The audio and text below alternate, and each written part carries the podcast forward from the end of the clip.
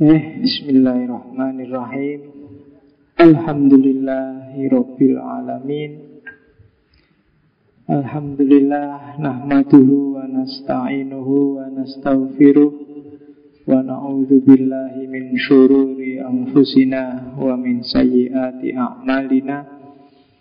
May yahdihillahu fala mudhillalah wa may yudlilhu fala hadiyalah Allahumma sholli ala sayyidina Muhammad wa ala ali sayyidina Muhammad. Amma ba'du. Uh, Bismillah. Malam ini kita lanjutkan lagi Ngaji filsafat kita Yang ke 30 sekian. Saya lupa Ya lumayan lah sudah sudah banyak. Uh, malam hari ini kita lanjutkan dunia filsafat dalam ranah eksistensialisme yang kelima. Untuk eksistensialisme yang kelima kita ketemu dengan seorang tokoh muslim Muhammad Iqbal Dulu di awal eksistensialisme kita ketemu dengan tokoh dari tradisi Kristen Soren Kierkegaard. Jadi kita awali dari eksistensialisme yang teistik dan kita akhiri dengan eksistensialisme yang teistik. Diawali dari percaya Tuhan, di tengah-tengahnya anti Tuhan semua dan kita akhiri dengan Iqbal yang kembali pada Tuhan Uh, Iqbal, ya kita kenal beliau adalah tokoh Pakistan, sebenarnya India karena India itu kan dulu pecahan dari eh Pakistan itu pecahan dari India. Jadi empat provinsi di India yang isinya mayoritas Muslim, kemudian memerdekakan dirinya dan salah satu inspirator kemerdekaan Pakistan tahun 47 itu Iqbal dengan dipelopori oleh seorang sahabatnya yaitu Muhammad Ali Jinnah. Iqbal sendiri belum sempat mengalami ah, Pakistan merdeka karena dia meninggal tahun 1938. Sementara Pakistannya sendiri merdeka tahun 47 14 Agustus. Jadi selisih tiga hari sama Indonesia yang 17 Agustus. Bulannya Kalau tahunnya ya selisih dua tahun.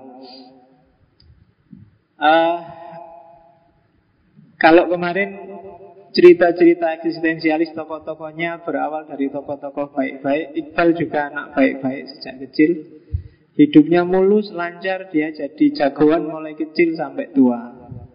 Tidak pernah nggak enak, dia sukses terus. Jenius sejak kecil dan sampai meninggal juga jenius. Kalau teman-teman baca sejarahnya Iqbal, tidak ada dalam tanda petik loh ya, tidak ada kesusahan sedikit pun. Kalau dibandingkan dengan tokoh-tokoh sebelumnya kayak Nietzsche kayak jadi trauma sejarah dia tidak banyak ngalami dan ini mungkin kondusif dari sisi psikologinya sehingga pemikiran-pemikirannya cenderung positif bisa dibandingkan dengan tokoh-tokoh yang lain. Jadi salah satu cara untuk belajar tokoh itu makanya setiap skripsi atau tesis kan biasanya disuruh mencantumkan riwayat hidup itu biasanya sangat berkaitan dengan pemikirannya. Kalau hidupnya murung itu biasanya pikiran-pikirannya ya murung mesti. Kalau hidupnya ceria ya pikiran-pikirannya ceria. Biasanya. Oke, Iqbal punya dapat sempat dapat gelar juga dari Inggris dia digelari Sir. Meskipun awalnya dia menolak mati-matian karena khawatir karena saat itu memang sedang perjuangan melawan Inggris, dia malah dapat gelar Sir dari Inggris itu pun dengan negosiasi dia mau dikasih gelar Sir kalau gurunya juga dikasih gelar ulama besar Islam Saya lupa gelarnya oleh Inggris saat itu. Jadi kalau gurunya dikasih gelar ulama, padahal gurunya yang disuruh Iqbal ngasih gelar ini gurunya yang semacam ustadz di kampungnya lah. Kalau beliau ini guruku ini dikasih gelar, gelar seri itu tak terima. Kalau enggak saya enggak mau dan Inggris mau dan akhirnya dia dapat gelar itu. Oke, dia ada beberapa orang tokoh yang berpengaruh dalam kehidupannya Iqbal. Yang pertama, guru, tokoh, orientalis, tapi orientalis yang positif dari Inggris namanya Sir Thomas Walker Arnold. Orang ini yang banyak mendorong Iqbal untuk ke luar negeri melanjutkan studinya dan Iqbal sempat tiga tahun berkelana di Eropa.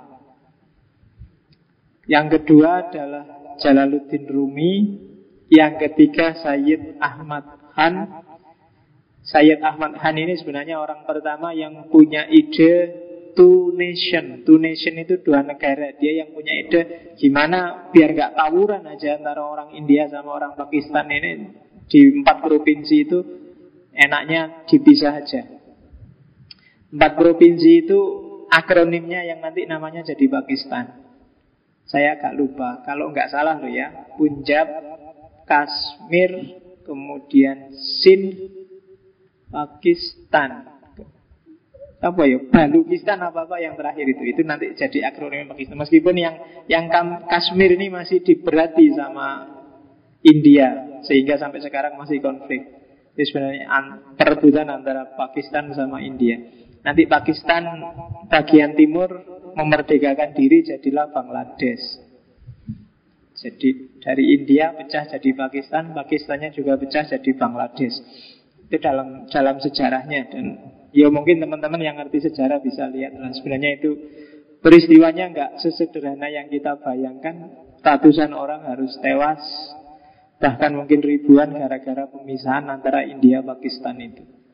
Sekali-sekali mungkin nanti tak bawain film India yang ada hubungannya dengan pemisahan dua wilayah itu. Saya lupa dulu pernah nonton judulnya kalau nggak salah Train to Pakistan.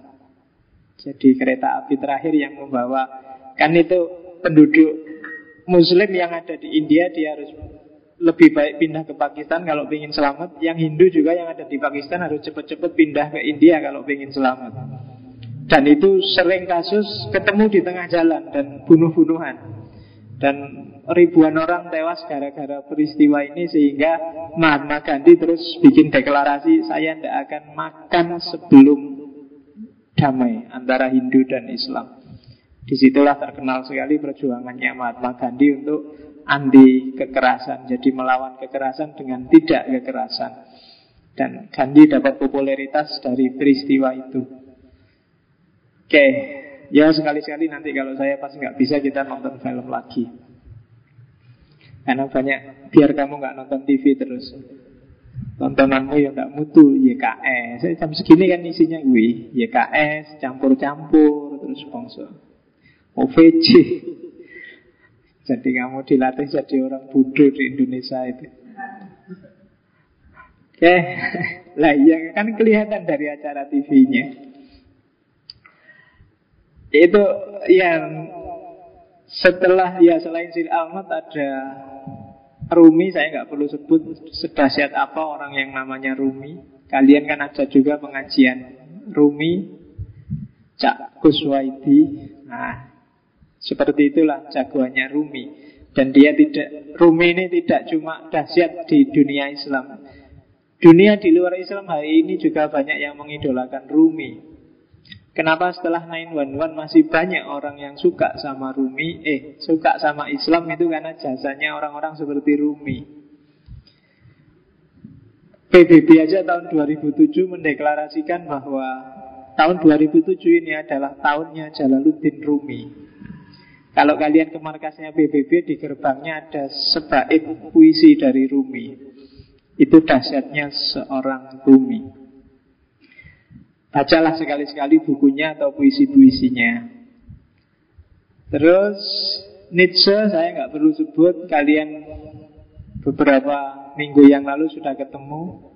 Dahsyatnya orang ini dalam pikiran-pikirannya. Kemudian Henry Bergson dengan intuisionismenya dan Gute sastranya. Jadi di luar keislaman dan nasionalisme dan komitmen jihad ijtihadnya seorang Iqbal ada beberapa tokoh yang bermain. Di situ tak sebut.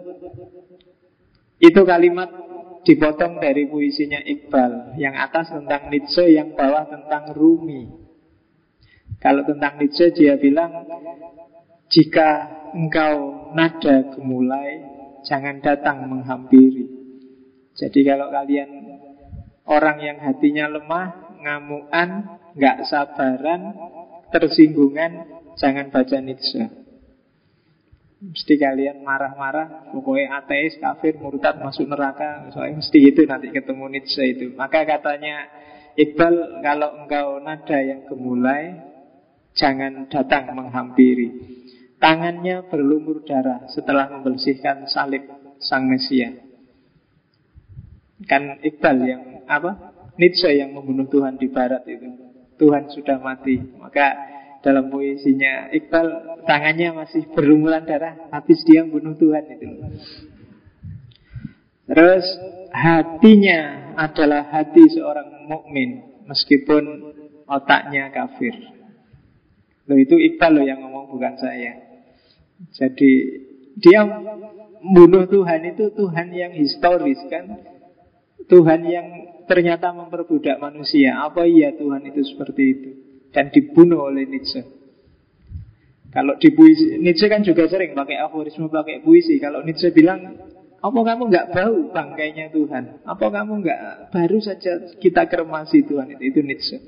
Dan bagi Iqbal sebenarnya hatinya mukmin.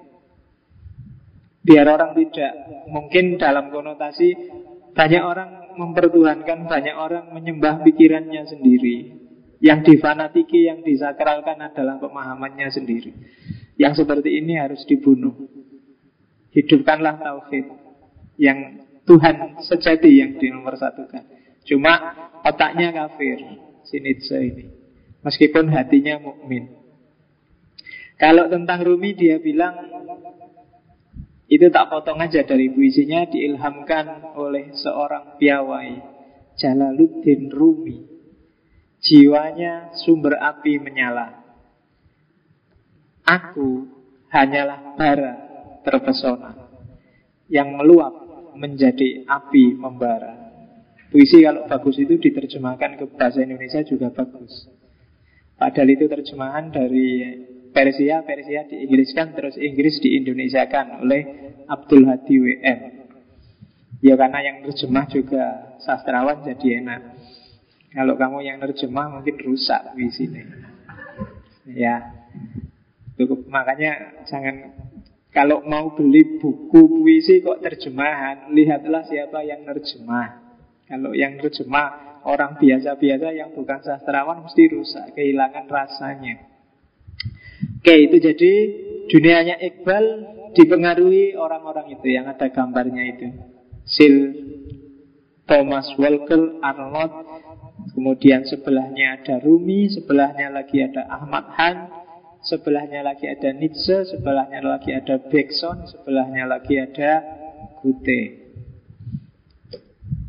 Orang kenal Iqbal dari karya-karyanya ini. Asrori Hudi, Rumus I Behudi, Javid Nama, Bal I Jibril, dan Payami Masyrik. Saya tidak tahu zaman saya mahasiswa dulu Buku-buku ini semuanya ada terjemahannya Sudah. Cuma terjemahan-terjemahan ini sekarang banyak yang lenyap. Di perpus juga tak cari juga banyak yang lenyap. Carilah buku-buku itu koleksilah. Isinya bagus-bagus luar biasa Puisi-puisi yang inspiratif. Jadi kalimatnya aja bisa menggugah. Tidak seperti puisi-puisi hari ini. Saya punya teman sastrawan hari ini dulu satu pondok di Kerapiak. Sastrawan sejati, cuma aku tidak ngerti. Dulu zaman di pondok ini alim-alim aja. Sekarang jadi tokoh besar, bukunya banyak, cuma kalau nulis puisi, nulis buku itu isinya sek terus. Heran aku. Tahun 2004 dia menerbitkan kumpulan puisi judulnya Kuda Panjang. 2007 nulis lagi judulnya buku kumpulan puisi, judulnya Bau Betina. Isinya sek terus, nulis buku, nulis novel juga isinya sek terus. Harusnya beliau-beliau yang dari pesantren, yang yang pinter sastra itu menghidupkan sastra-sastra religius versi Rumi atau versi Iqbal. Cuma ya mungkin karena pertimbangan pasar atau karena memang sudah terkontaminasi apa Jadi pikirannya cuma sek. Karena memang begitu ada kata sek apa konotasi ke sana kan orang terus ngelirik semua. Wah, nah kan, kayak kamu gitu loh Kalau konotasi ke situ kan mesti kamu kejar-kejar. Ada kasus MUI sama di Bogor sama jamaahnya dua Kan kamu penasaran dan bikin ngejar Eh, kalau urusan gitu-gitu kamu mesti penasaran. PNS sama temennya, ya mesti kamu kejar. Yang gitu-gitu kamu semangat. Tapi yang di luar itu kamu melempem. Dan cobalah cari rahasia diri Asrori Hudi, rumus Ibe Hudi, misteri peniadaan diri, Javid nama. Javid, Javid itu nama anaknya. Saya lupa ada ada fotonya antara Iqbal dan anaknya. Sayap Jibril. Payami Masyrik, pesan dari timur. Dua karya terakhir The Development of Metaphysics in Persia. Kalau yang yang development ini disertasinya.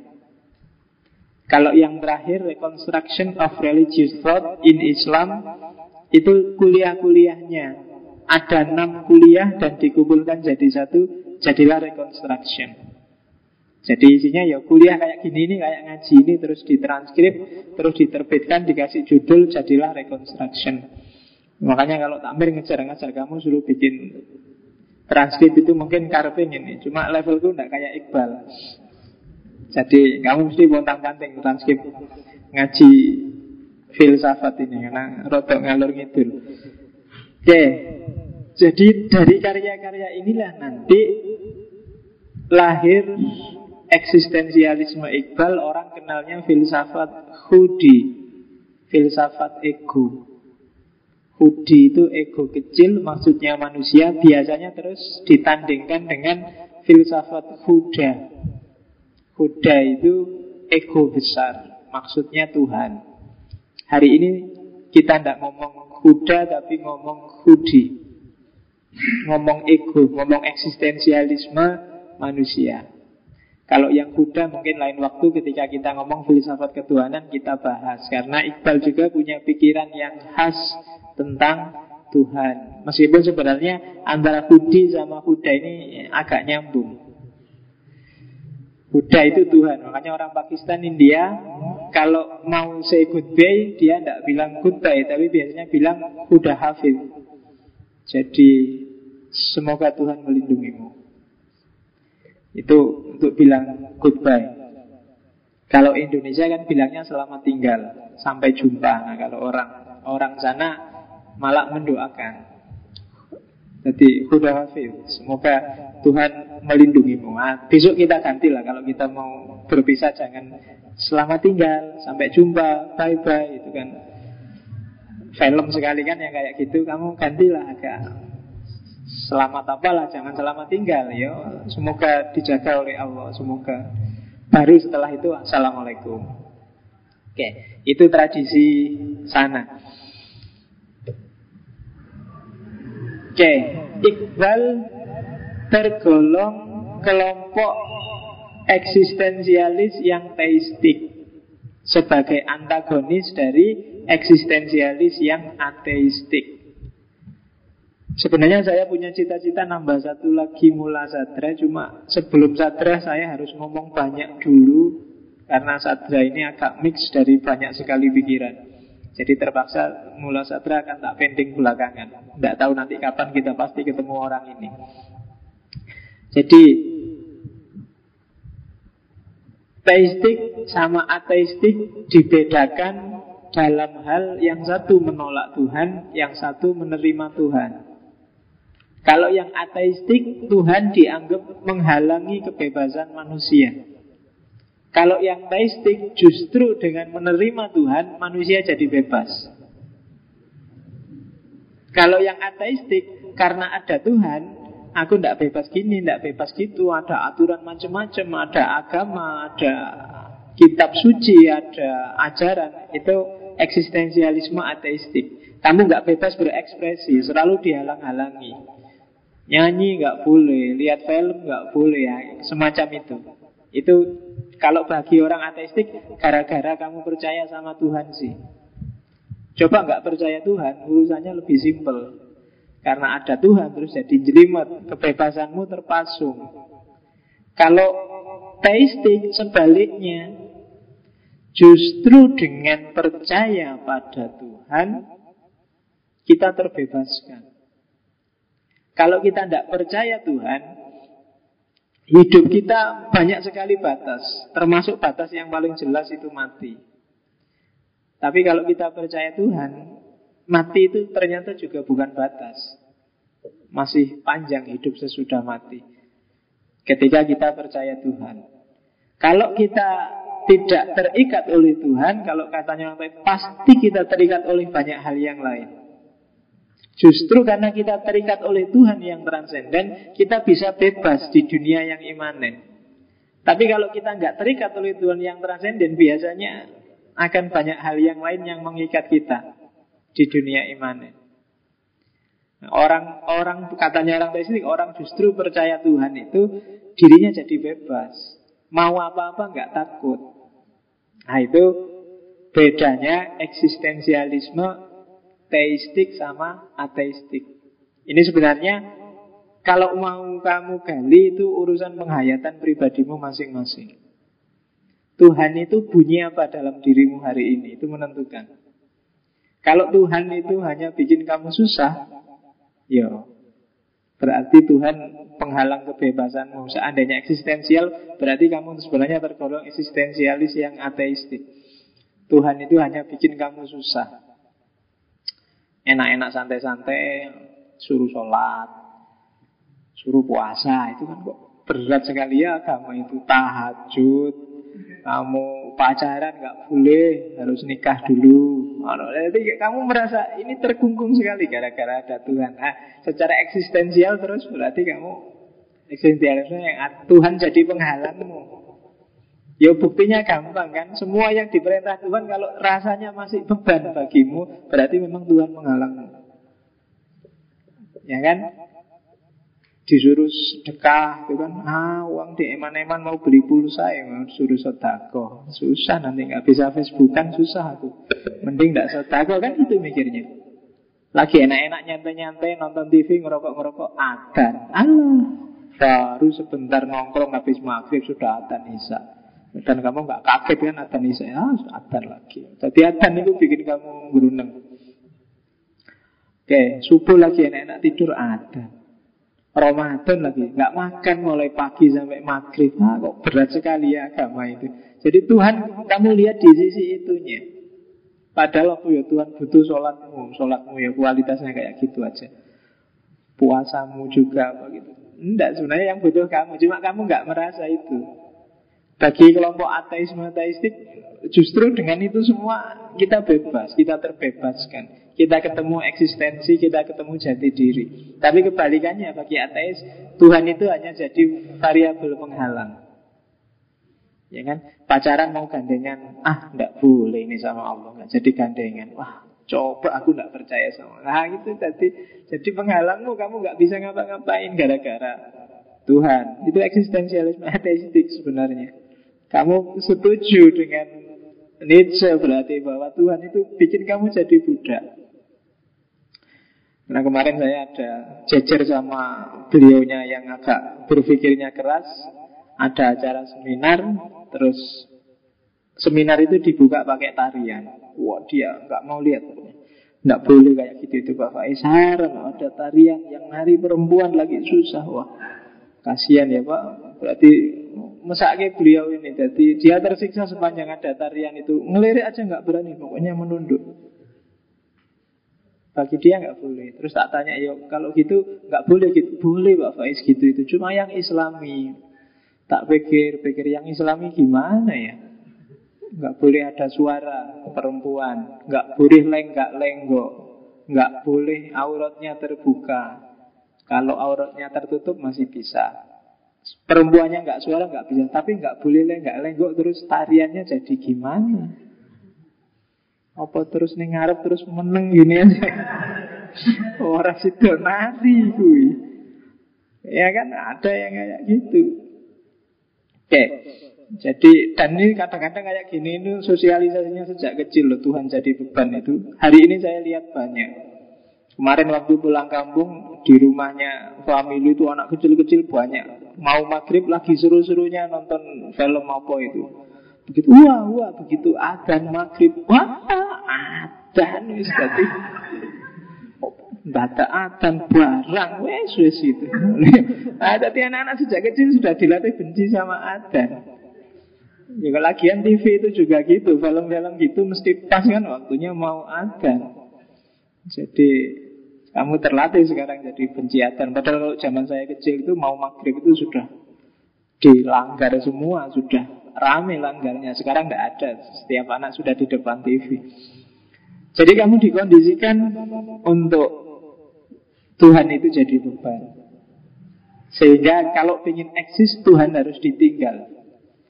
Sistem hari ini kelihatannya mengarah ke sana. Dan itu yang diberontak oleh kelompok eksistensial teistik seperti Iqbal dan kawan-kawan. Masa sih gara-gara Tuhan kok jadi kayak gitu? Justru Tuhan itu ngirim banyak aturan biar kita bebas.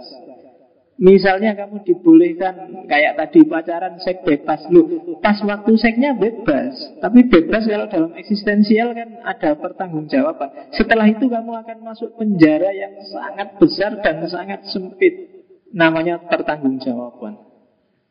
Dan itu jauh lebih sengsara dibandingkan ketika tadi kamu belum ke sana. Ketika itunya sih bebas dan agama bermain di sini loh. Hati-hati kalau ini kamu lakukan, pertanggungjawabannya justru lebih memenjarakan kamu. Ngomong jelek, lu bebas kamu ngomong jelek, tapi begitu kamu ngomong jelek, tanggung sendiri resikonya. Mungkin di masyarakat namamu jatuh, temanmu juga malas deket-deket, ah, cangkem elek, sedikit itu. Resikonya tadi kamu bebas memang ngomong jelek, wong itu hakmu kok ngomong jelek. Tapi setelah kan di eksistensial itu kebebasan kan ekuivalen dengan pertanggungjawaban. Ya tanggung sendiri resikonya dan agama jaga biar ini loh. Makanya katanya eksistensialisme teistik, lo justru ada Tuhan kita bisa bebas. Kita bisa menikmati kebebasan yang lebih besar. Nah itu katanya eksistensialisme teistik. Sekarang kita lihat Iqbal. Karena Iqbal ini eksistensialis, maka seperti semua tokoh filosof eksistensial yang lain, Iqbal ini anti esensialisme. Anti esensialisme itu kalau di Iqbal jelendrenya seperti itu. Yang pertama, tidak ada yang universal. Realitas ini di level apa pun berubah Sifatnya evolutif dan ada tujuannya ada arahnya perubahan ini ya karena ini yang Tuhan yang menciptakan secara sengaja maka ada perubahannya jadi evolutif sifatnya berubah pelan-pelan ya kayak kayu ini kan kelihatannya tetap tapi kan dia berubah. Ngulet atau semakin renggang. Ini dulu mungkin bikinnya nggak renggang sekarang jadi renggang. Hidup seperti itu. Kamu juga begitu. Manusia apalagi berubah kok. Kalau nggak percaya kamu cermati dirimu dulu. Mulai SD seperti apa SMP SMA sekarang jadi mahasiswa kayak gimana pasti ada perubahan. Dan itulah hakikat kehidupan jadi hakikat kehidupan adalah tidak ada hakikat. Tidak ada esensi. Dulu yang kamu anggap bagus mungkin hari ini tidak biasa-biasa aja Atau malah jadi jelek. Dulu kamu dikasih uang seribu mungkin senengnya setengah mati Wong kamu masih umur lima tahun. Hari ini dikasih seribu kamu geleng-geleng kepala. Parkir dua ribu Kencing dua ribu. Buat apa uang seribu? Karena konteksmu hari ini. Tuh. Dulu kamu sukanya temen itu cowok-cowok, seneng lah rame CS. Nah, sekarang sudah beda kan. Dulu kalau ada cewek kamu ah, suka sama cewek, ngapain cewek? Sekarang sudah mahasiswa malah yang dicari cewek. Ada perubahan, ya pasti. Dulu kamu baru dari kampung masuk Jogja, dari desa, dari pondok yang deso masuk Jogja tiap hari mesti istighfar kamu. Ya kan? Lihat orang pakai rok mini Astagfirullahaladzim Lihat temenmu pacaran. Astagfirullahaladzim Pacarannya masuk kamar lagi. Astagfirullahaladzim Kamu naik bis jejer sama orang pakai rok mini lagi. Astagfirullahaladzim Us, Pokoknya kamu istighfar mulai subuh sampai maghrib. Tapi sekarang tiga tahun di Jogja Dua tahun di Jogja berubah sudah kalau dulu astagfirullah sekarang kalau nggak ada malah nyari. Kalau naik bis nyari yang duduknya jejer.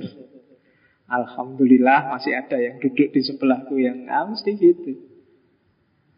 Sekarang nggak ada pemandangan gitu aja kamu cari di internet. Ya kan? Harus, harus berubah pikiranmu. Evolusi cuma evolusinya tidak sehat ke arah sana.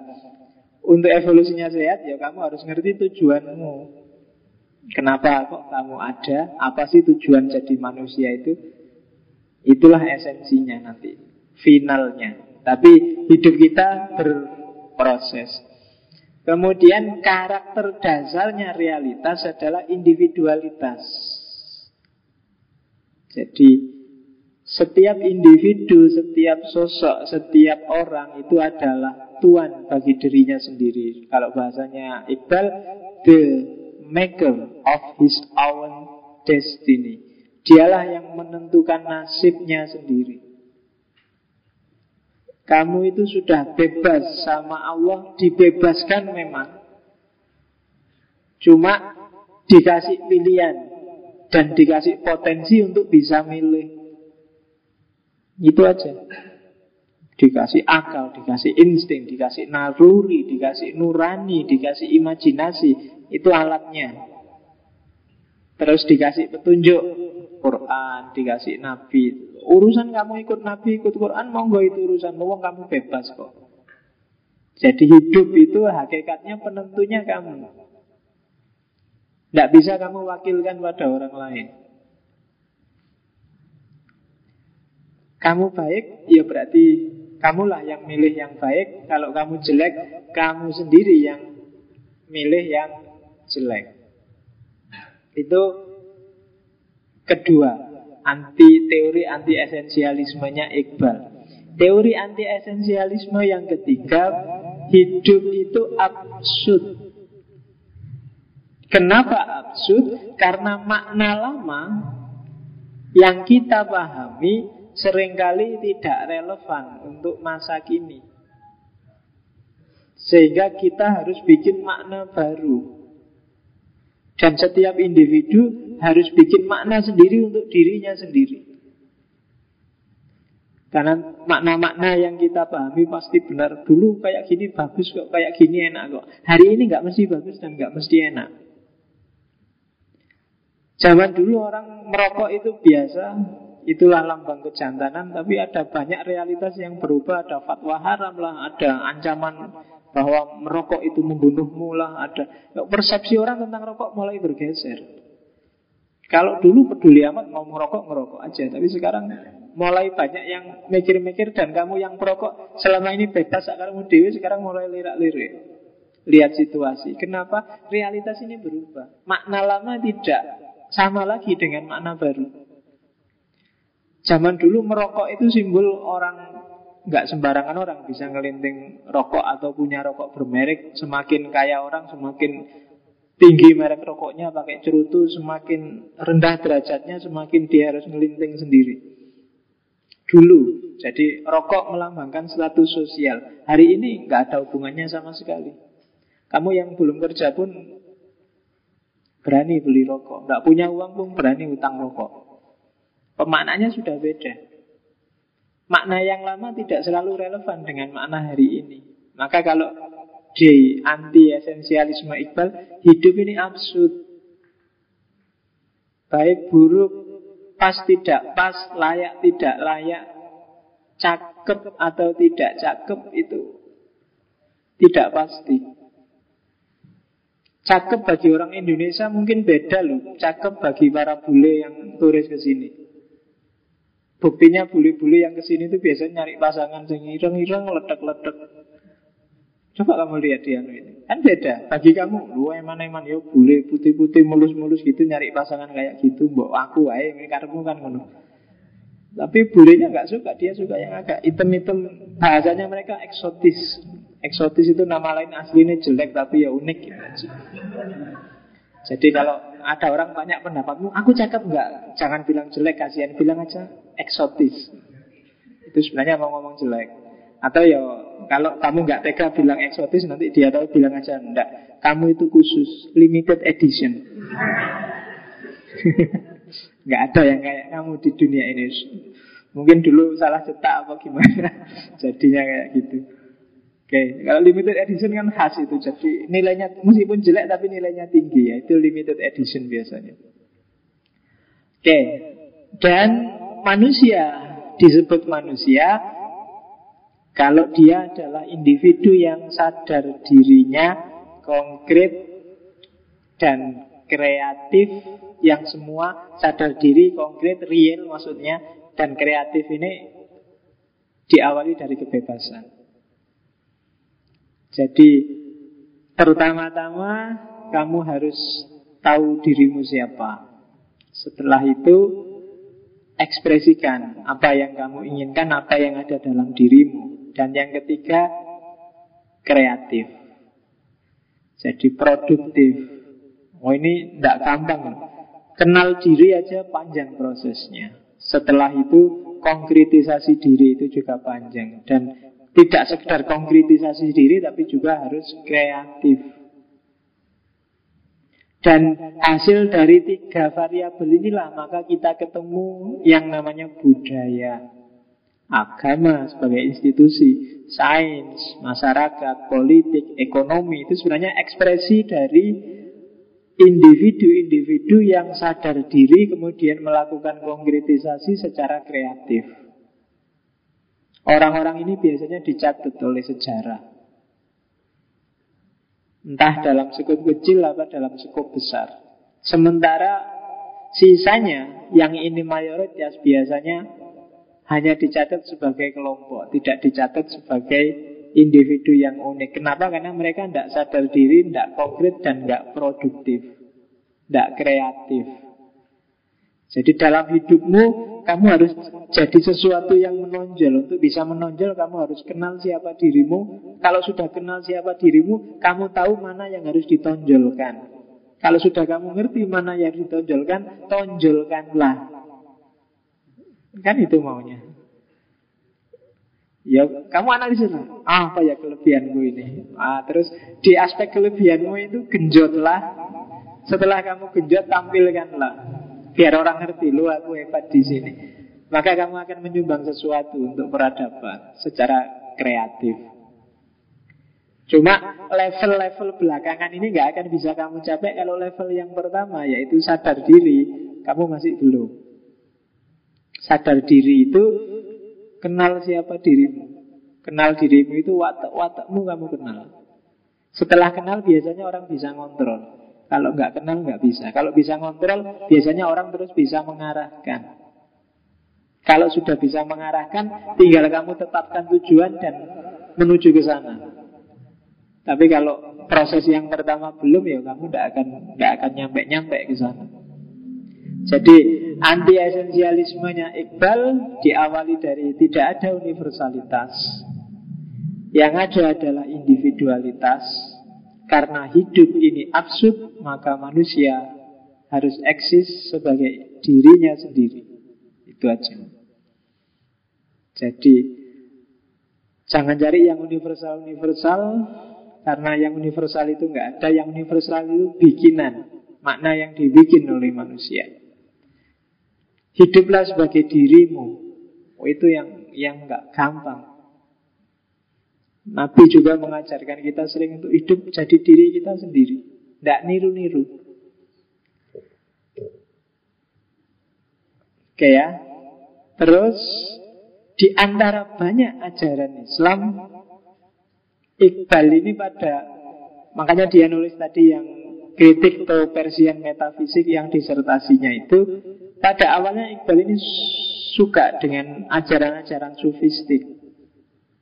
Cuma belakangan dia mengkritik tradisi sufi yang panteistik. Sufi yang panteistik itu sufi yang wahdatul wujud, sufi yang orang menenggelamkan diri, orang melenyapkan diri, yang anak al-haq.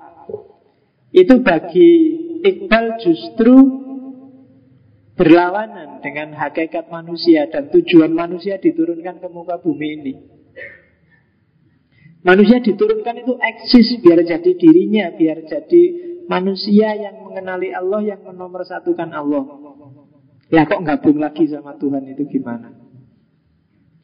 Wong diciptain kan Allah bilang Kuntu kanzan mahfiyan Faholaktul holko Fauritu an urofa Faholaktul holko jadi aku itu hasanah tersembunyi. Aku ingin dikenal maka aku ciptakan makhluk. Itu kan hadis kursi itu kan. Dan makhluk itulah nanti yang mengenali aku. Dong kayak gini tujuannya. Berarti kan manusia disuruh eksis jadi dirinya sendiri. Sementara di tasawuf yang panteistik Manusia disuruh melenyapkan dirinya. Padahal dia ditugasi di dunia ini Untuk beribadah dan untuk menata dunia jadi khalifah, khilafah tapi kok malah dirinya sendiri dilenyapkan terus mantep mantep jadi Tuhan, anak al-haq. Dan itu dikritik oleh Iqbal. Tidak lah, mungkin gitu. Kalau ada yang aneh-aneh dari sufi yang wahdatul wujud itu, kalau katanya Iqbal itu sebenarnya munculnya dari akalnya sendiri yang overworked. Overworked itu mikirnya kejeron. Apa nek bahasa Jawa? Keduren mikirnya. Ngapain harus sampai ke situ segala? Dan mengalami salah-salahnya mengalami halusinasi-halusinasi persatuan dengan Tuhan akhirnya. Dan itu kan biasanya diawali dari ritual-ritual yang luar biasa berat. Dan ritual yang luar biasa berat itu kadang berpengaruh terhadap pikiran terhadap otak. Dan itu mungkin kalau di Iqbal mungkin ya itu antara lain melahirkan imajinasi-imajinasi karena overworked akalnya dipaksa aneh-aneh. Ya kayak kan coba torekot itu kan. Saya dulu pernah ikut simba saya ikut torekot itu tidak betah. Wiritannya luar panjang Nanti setelah sekian ribu terus akan lihat cahaya putih setelah itu Beliau mungkin aja karena saking keselnya kamu muter-muter berapa kali ribu terus blank akhirnya hanya lihat putih mau kamu wis mabuk. Terus gak karu-karuan sudah karena mungkin ada semacam sugesti di situ. Kalau katanya Iqbal, tidak harus sampai situ. Kalau seperti itu justru menghilangkan diri. Padahal manusia itu disuruh menegaskan dirinya jadi manusia. Yang beda level dengan malaikat Beda level dengan binatang Beda level dengan tumbuhan. Kita itu tinggi makomnya Meskipun tidak sama dengan Tuhan. Nabi aja kan tidak bersatu dengan Tuhan. Ketemu Tuhan pun di depannya Kayak Isra Mi'raj itu kan Malak min waroi hijab jadi ada hijabnya Allah di sana, Nabi di sini terus ngobrol. Tidak bersatu. Nah itu maka kriwinya Ibal itu. Ya manusia, jadi manusia dong. Eksislah jadi manusia. Meskipun tidak gampang. Jangan dikira jadi manusia itu gampang. Hari ini kalau mahasiswa saya lihat banyak yang levelnya belum manusia. Levelnya banyak yang level tumbuhan Level tumbuhan yang penting mangan, gede, enak Nggak. tumbuhan itu kan gitu Kamu disiram terus tumbuh besar dan indah itu tumbuhan. Setelah biasanya kalau sudah tumbuhannya terpenuhi, makannya sudah enak, punya laptop bisa dandan, cakep, indah, baru naik level atasnya lagi jadi binatang. Hasrat, ambisi, nafsu baru bunyi. Kalau levelmu masih level dandan, level tumbuh, level itu biasanya. Dan cirinya tumbuhan itu satu biasanya, musuh besarnya males. Ya kan, tumbuhan itu musuh besarnya malas. Jadi hati-hati dengan musuh besarmu hari ini. Kamu itu ilmunya sudah lengkap, wawasanmu sudah penuh, baik buruk kamu ngerti semua sudah, cuma tinggal dijalanin gitu aja yang belum. Makanya makommu harus dinaikkan dikit lagi lah. Naf nafasnya kalau di Ghazali perlu naik satu range lagi karena nggak bisa loncat. Setelah tumbuhan terus jadi hewan. Ada ambisi, ada hasrat, ada cita-cita, ada keinginan, ada target yang dituju. Syukur-syukur sekarang kamu sudah bisa naik kelas. Jadi dari sekedar menikmati hidup Jadi punya tujuan hidup. Nah setelah itu baru kamu naik level jadi manusia. Kalau sudah jadi manusia Tidak mengandalkan insting lagi Tapi akalnya sudah jalan Dan itu sebenarnya eksis seperti itu yang diinginkan oleh Iqbal. Eksis jadi dirimu sendiri. Tidak banyak orang yang bisa eksis jadi dirinya sendiri. Kalau kamu cermati dirimu dari ujung rambut sampai ujung rambut bawah lagi, rambut di kaki maksudnya, itu saya yakin bukan banyak sekali yang bukan pilihan-pilihanmu sendiri. Banyak yang mungkin dipilihkan orang atau dipengaruhi orang atau apa pun. Coba kamu cermati hidupmu hari ini seperti apa. Kamu pakai gaya seperti itu itu maumu atau terpengaruh orang? Itu coba dicermati. Jadi di sini di level kedua sebelum masuk ke filsafat dirinya Iqbal wanti-wanti hati-hati dengan ajaran-ajaran yang justru kontraproduktif yang kamu melenyapkan dirimu sendiri. Nah kalau dirimu sendiri lenyap, semua mekanisme hidup dan mekanisme materi spiritual nggak ada gunanya dong. Nah kalau kamu sudah bersatu dengan Allah, lah, gimana besok Allah menghisap? Gimana semua urusan jadi kacau sudah nggak karu-karuan. Urusan sholat, zakat, puasa, ibadah, urusan hubungan sosial, urusan tidak karu-karuan sudah kalau manusia sudah masuk ke wilayah yang tidak jelas. Maka katanya Iqbal cukup jadi manusia aja yang otentik. Nah, dari situ baru kita masuk ke filsafat ego atau hudi. Ego ya secara harfiah artinya diri atau self. Secara secara et, terminologis, secara etimologis kalau bahasa Persia sebenarnya itu artinya kebanggaan diri. Keangkuhan dalam tanda petik tapi. Cuma oleh Iqbal diartikan kemandirian, personalitas, dan individualitas. Level yang harus kamu lewati. Kalau kamu baca nanti Sigmund Freud, ego itu isinya tiga, it, kemudian ego, dan super ego. Atas sadar, bawah sadar, dan sadar. Komposisinya.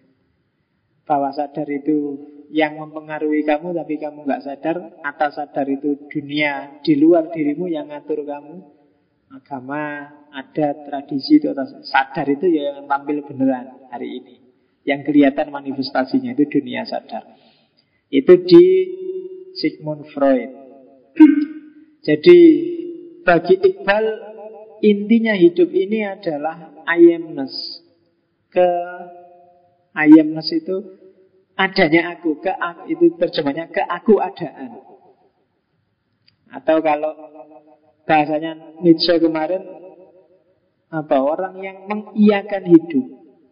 Ini loh aku. Itu intinya hidup sebenarnya itu.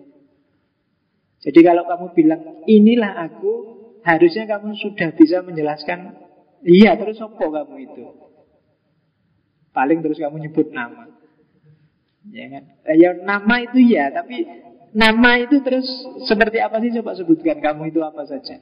Ini loh Faiz. Nah ya Faiz itu orang yang gimana, sosok yang gimana. Nah itu inilah aku. Makanya Islam kan ada hadis itu yang bilang bahwa bukan laki-laki yang bilang ini bapakku, tapi laki-laki sejati itu berarti kamu sudah eksis jadi manusia kalau kamu sudah bisa tegas bilang ini loh aku itu. Yang kayak gini ini aku. Kalau bahasanya TV gue banget deh. Ah, apa? Styleku deh, gayaku deh. Nah, itu itu berarti kamu sudah masuk pada dimensi hakikat dirimu, I amness. Banyak loh orang yang tidak bisa menunjuk dadanya sendiri. Banyak orang yang gagap membaca dirinya sendiri. Yang ditunjuk ini aku tapi sebenarnya bukan dirinya yang ditunjuk. Mungkin inilah aku tapi sebenarnya inilah guruku. Inilah yang dikatakan ibuku. Inilah yang dituntunkan oleh ustadzku. Inilah selalu begitu. Jadi bukan dirimu sendiri yang bunyi tapi orang lain. Kamu beli baju aja milih kayak artis siapa. Maka kalau kamu bilang, loh bajuku baru itu sebenarnya bunyi artisnya bukan kamunya. Jadi I amness. Setiap objek punya inti sendiri-sendiri keberadaannya masing-masing. Dan untuk manusia intinya adalah I amness. Yang di dalamnya ada self atau ego. Oke ya. Meskipun sehingga istilah angkuh ini kalau di Indonesia ego itu diadopsi terus jadi egois. Orang yang mementingkan dirinya sendiri. Oke. Mementingkan dirinya sendiri itu sebenarnya sah. Asal tidak ditambahi selalu. Kalau sudah selalu sudah asosial. Tapi urusan apa pun pertama-tama memang pentingkan dirimu sendiri dulu. Jangan keburu mikir orang lain. Kamu sudah beres belum? Kan gitu. Kamu sudah nyata belum? Kamu sudah eksis belum? Nggak ribut dengan yang lain dulu. Pentingkan dulu dirimu, itu maksudnya. Cuma egois kalau di Indonesia konotasinya terus geser jadi sakar PDW. Ah, kamu egois. Masa itu biasanya terus konotasinya sesuka hati sakar PDW. Kalau di Iqbal maunya bukan itu. Kamu harus mementingkan dirimu sendiri untuk bisa eksis. Karena Sebelum dirimu sendiri eksis, kamu tidak bisa berinteraksi dengan orang lain sebagai dirimu. Nah itu definisinya ego. Cirinya ego secara umum kalau kamu ingin ngerti ciri paling gampang untuk mendeteksi ego adalah kalau bahasanya Iqbal kesendirian yang esensial. Sebenarnya arahnya menuju ke yang namanya rasa, pengalaman batin. Kalau fisik itu manifestasinya. Tapi kalau kamu ingin paham dirimu berarti kejarlah pengalaman-pengalaman batinmu selama ini untuk mendefinisikan dirimu. Makanya istilahnya kesendirian yang esensial. Itu kan istilah yang luar biasa. kesendirian sendiri tapi tidak kesepian, tapi esensial. Jadi penghayatan hidup yang hanya aku loh yang mengalami, hanya aku loh yang merasakan. Orang lain nggak merasakan, nggak bisa. Yaitu contohnya sakit, kecewa, gembira. Itu kan hanya kamu yang merasakan. Orang lain nggak merasakan. Seenak-enaknya cerita tentang pacaran lebih enak yang ngalami langsung pacaran. Ngerti? Ya saya nggak ngerti pacaran itu enak apa enggak. Kamu yang pengalaman lebih ngerti. Saya anak baik sejak dulu. Jadi nggak ada orang lain ngerti kamu itu nggak mungkin. Kamu tidak bisa mengharapkan orang lain membacakan siapa dirimu dari luar nggak bisa. Yang paling ngerti dirimu hanya kamu. Kalau kamu sendiri nggak mau baca nggak bisa. Eh, friend, ayo bro, tolong bacain aku kayak gimana. Dia bisa komentar tapi nggak akan bisa masuk ke kedalaman penghayatan batin. Hanya kamu yang tahu. Maka jalan paling gampang untuk mengenali ego itu kesendirian. Kesendirian yang esensial. Nah, jadi kalau kamu lagi di kos-kosan sendirian, terus males keluar ngapa-ngapain di SMS teman, ngapain aja di kos sedang menikmati kesendirian yang esensial. Khas ya kalimatnya luar biasa. Jadi kesendirian yang tidak jomblo tapi esensial, jomblo tapi esensial teorinya Iqbal berarti kan dipakai.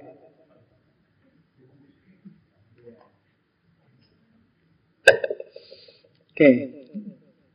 Yang penting meskipun jomblo kan penghayatan batinnya luar biasa kan gitu. Jomblo yang berhati nyaman. Oke, makanya orang yang apa? Kalau orang Indonesia ada istilah kaya hati. Berarti apa? Dia pengalaman batinnya sudah luar biasa. Orang-orang tua itu biasanya disebut kaya pengalaman. Karena karena ini lebih penting, lebih esensial, bukan kaya materi. Jadi yang menunjukkan eksistensi dirinya itu pengalaman batinnya. Itu kalau di Iqbal.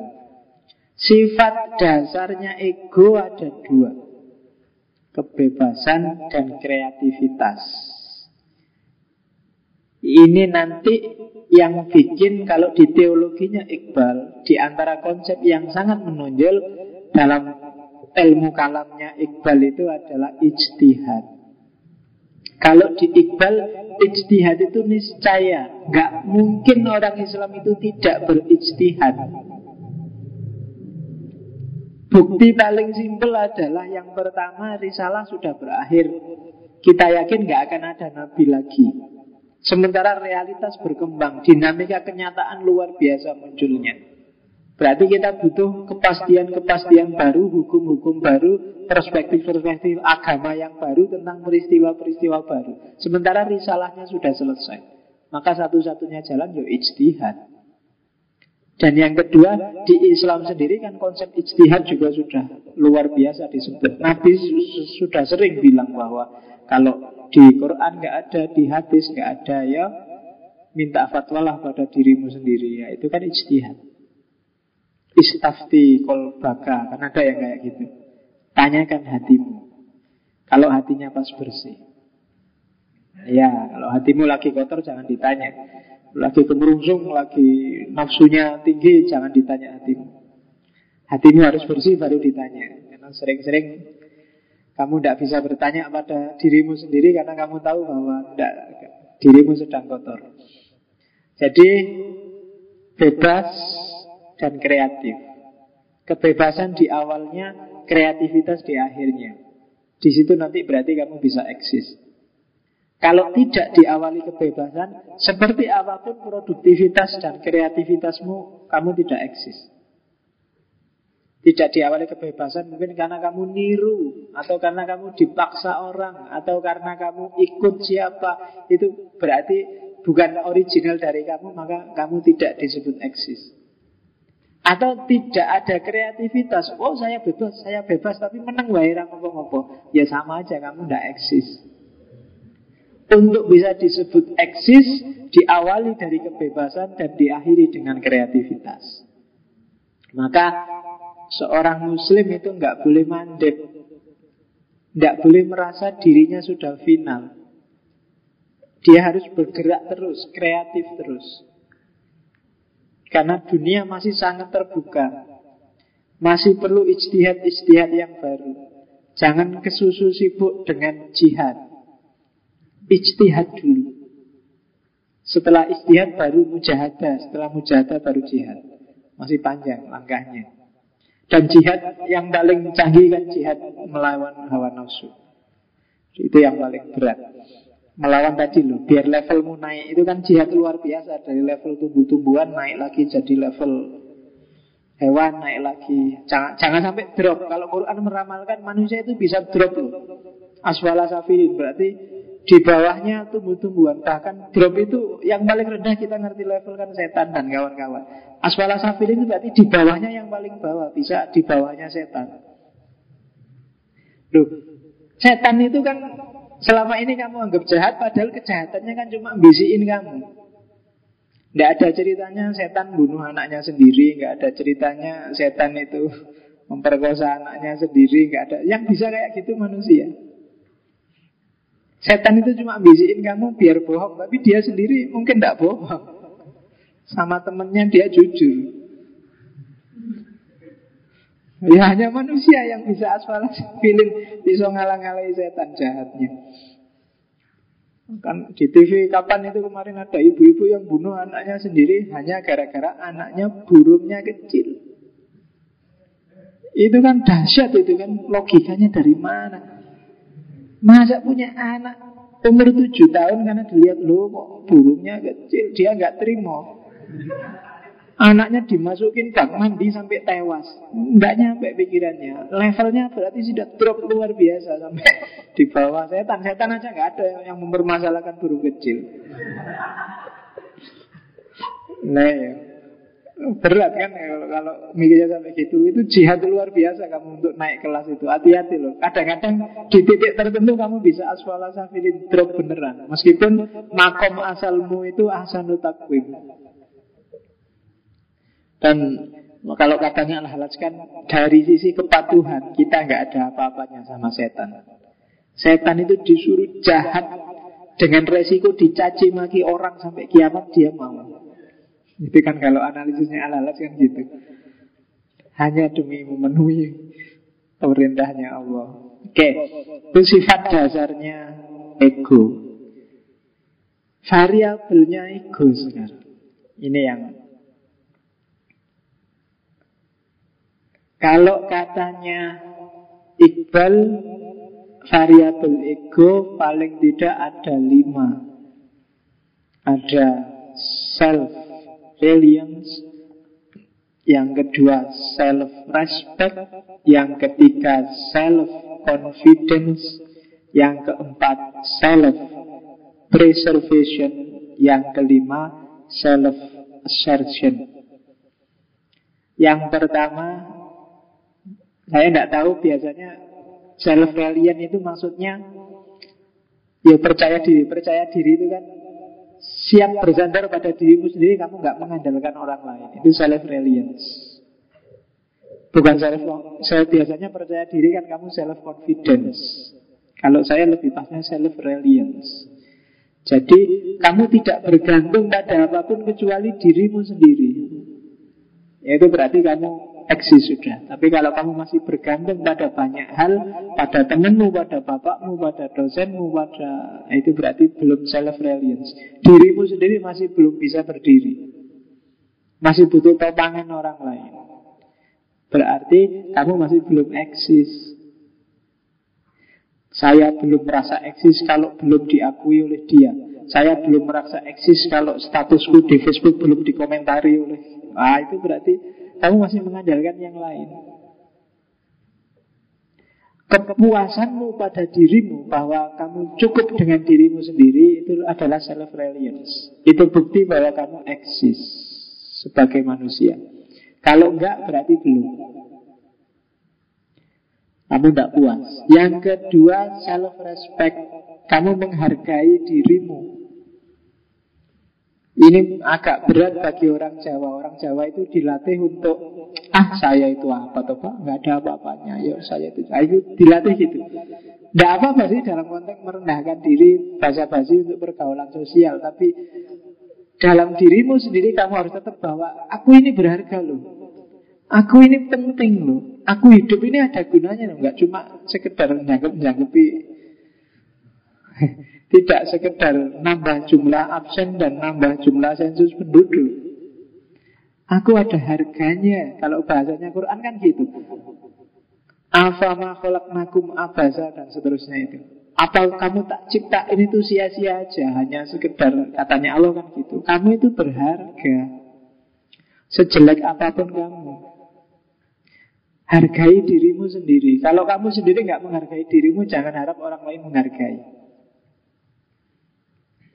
Ya macam-macam menghargai itu. Mungkin berpakaian yang sopan Mungkin berkata yang enak didengar. Itu termasuk bentuk menghargai dirimu Kamu mandilah yang teratur. Itu kelemahannya mahasiswa itu.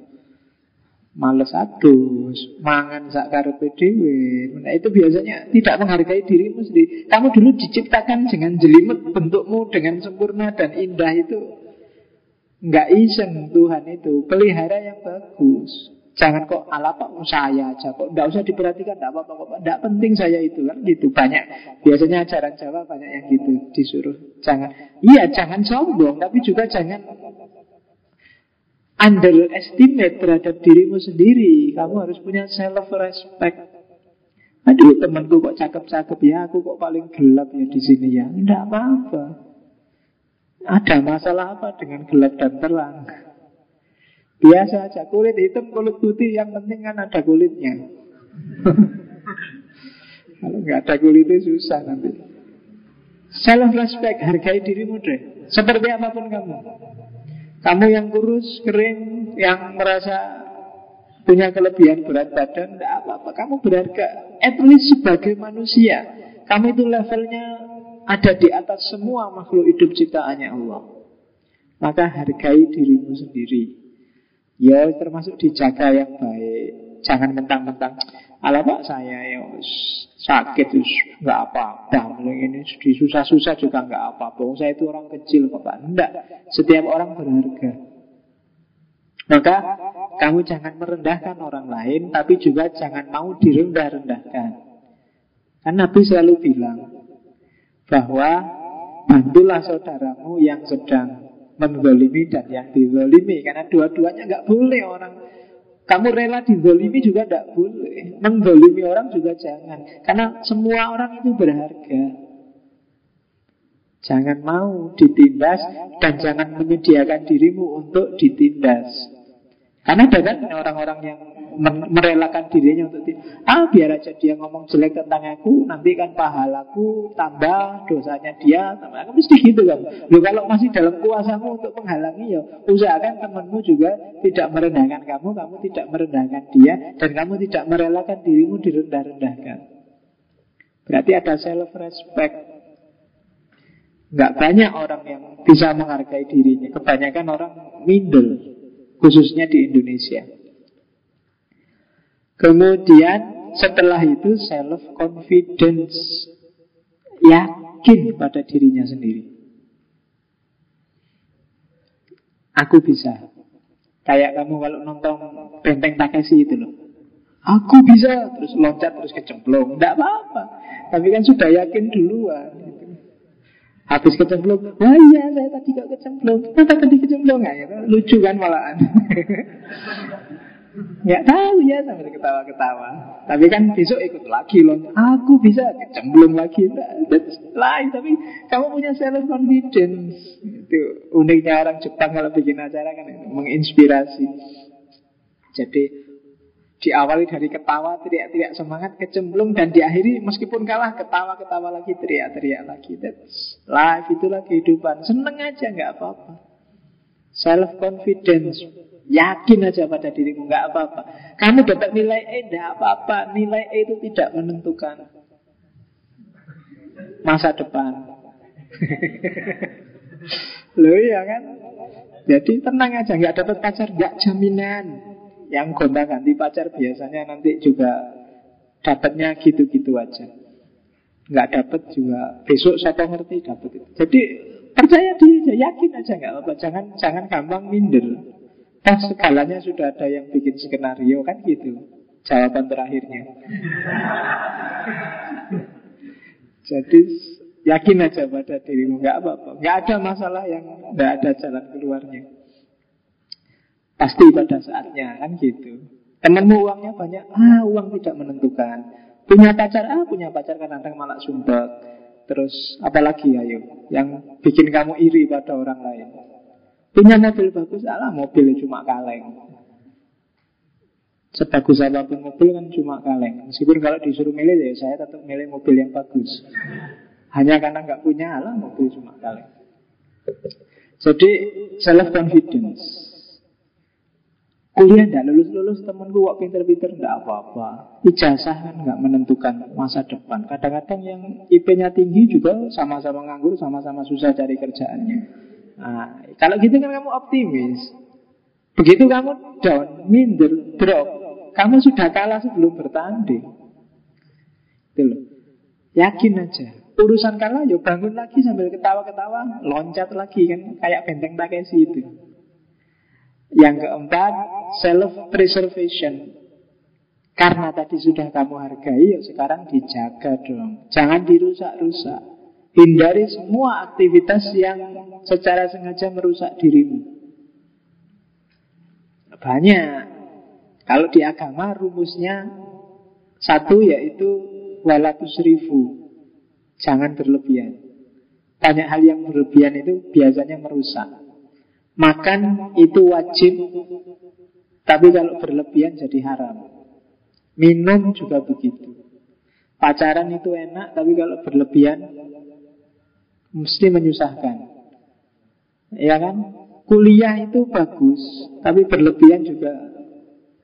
Ngaji filsafat ini ya mungkin lumayan, tapi berlebihan misalnya nanti kita akhiri jam 12 malam itu kamu aja yang di sini sampai jam 12. Saya tak pulang. Tidak nyaman. Jaga dirimu baik-baik. Dipelihara, mandi, makan. Jangan direndah-rendahkan. Kalau sakit ya berobat. Self preservation. Kenapa? Karena kamu berharga. Jaga yang baik. Makanya di Quran kan ada walatul bi aidikum. Jangan konyol, jangan bunuh diri.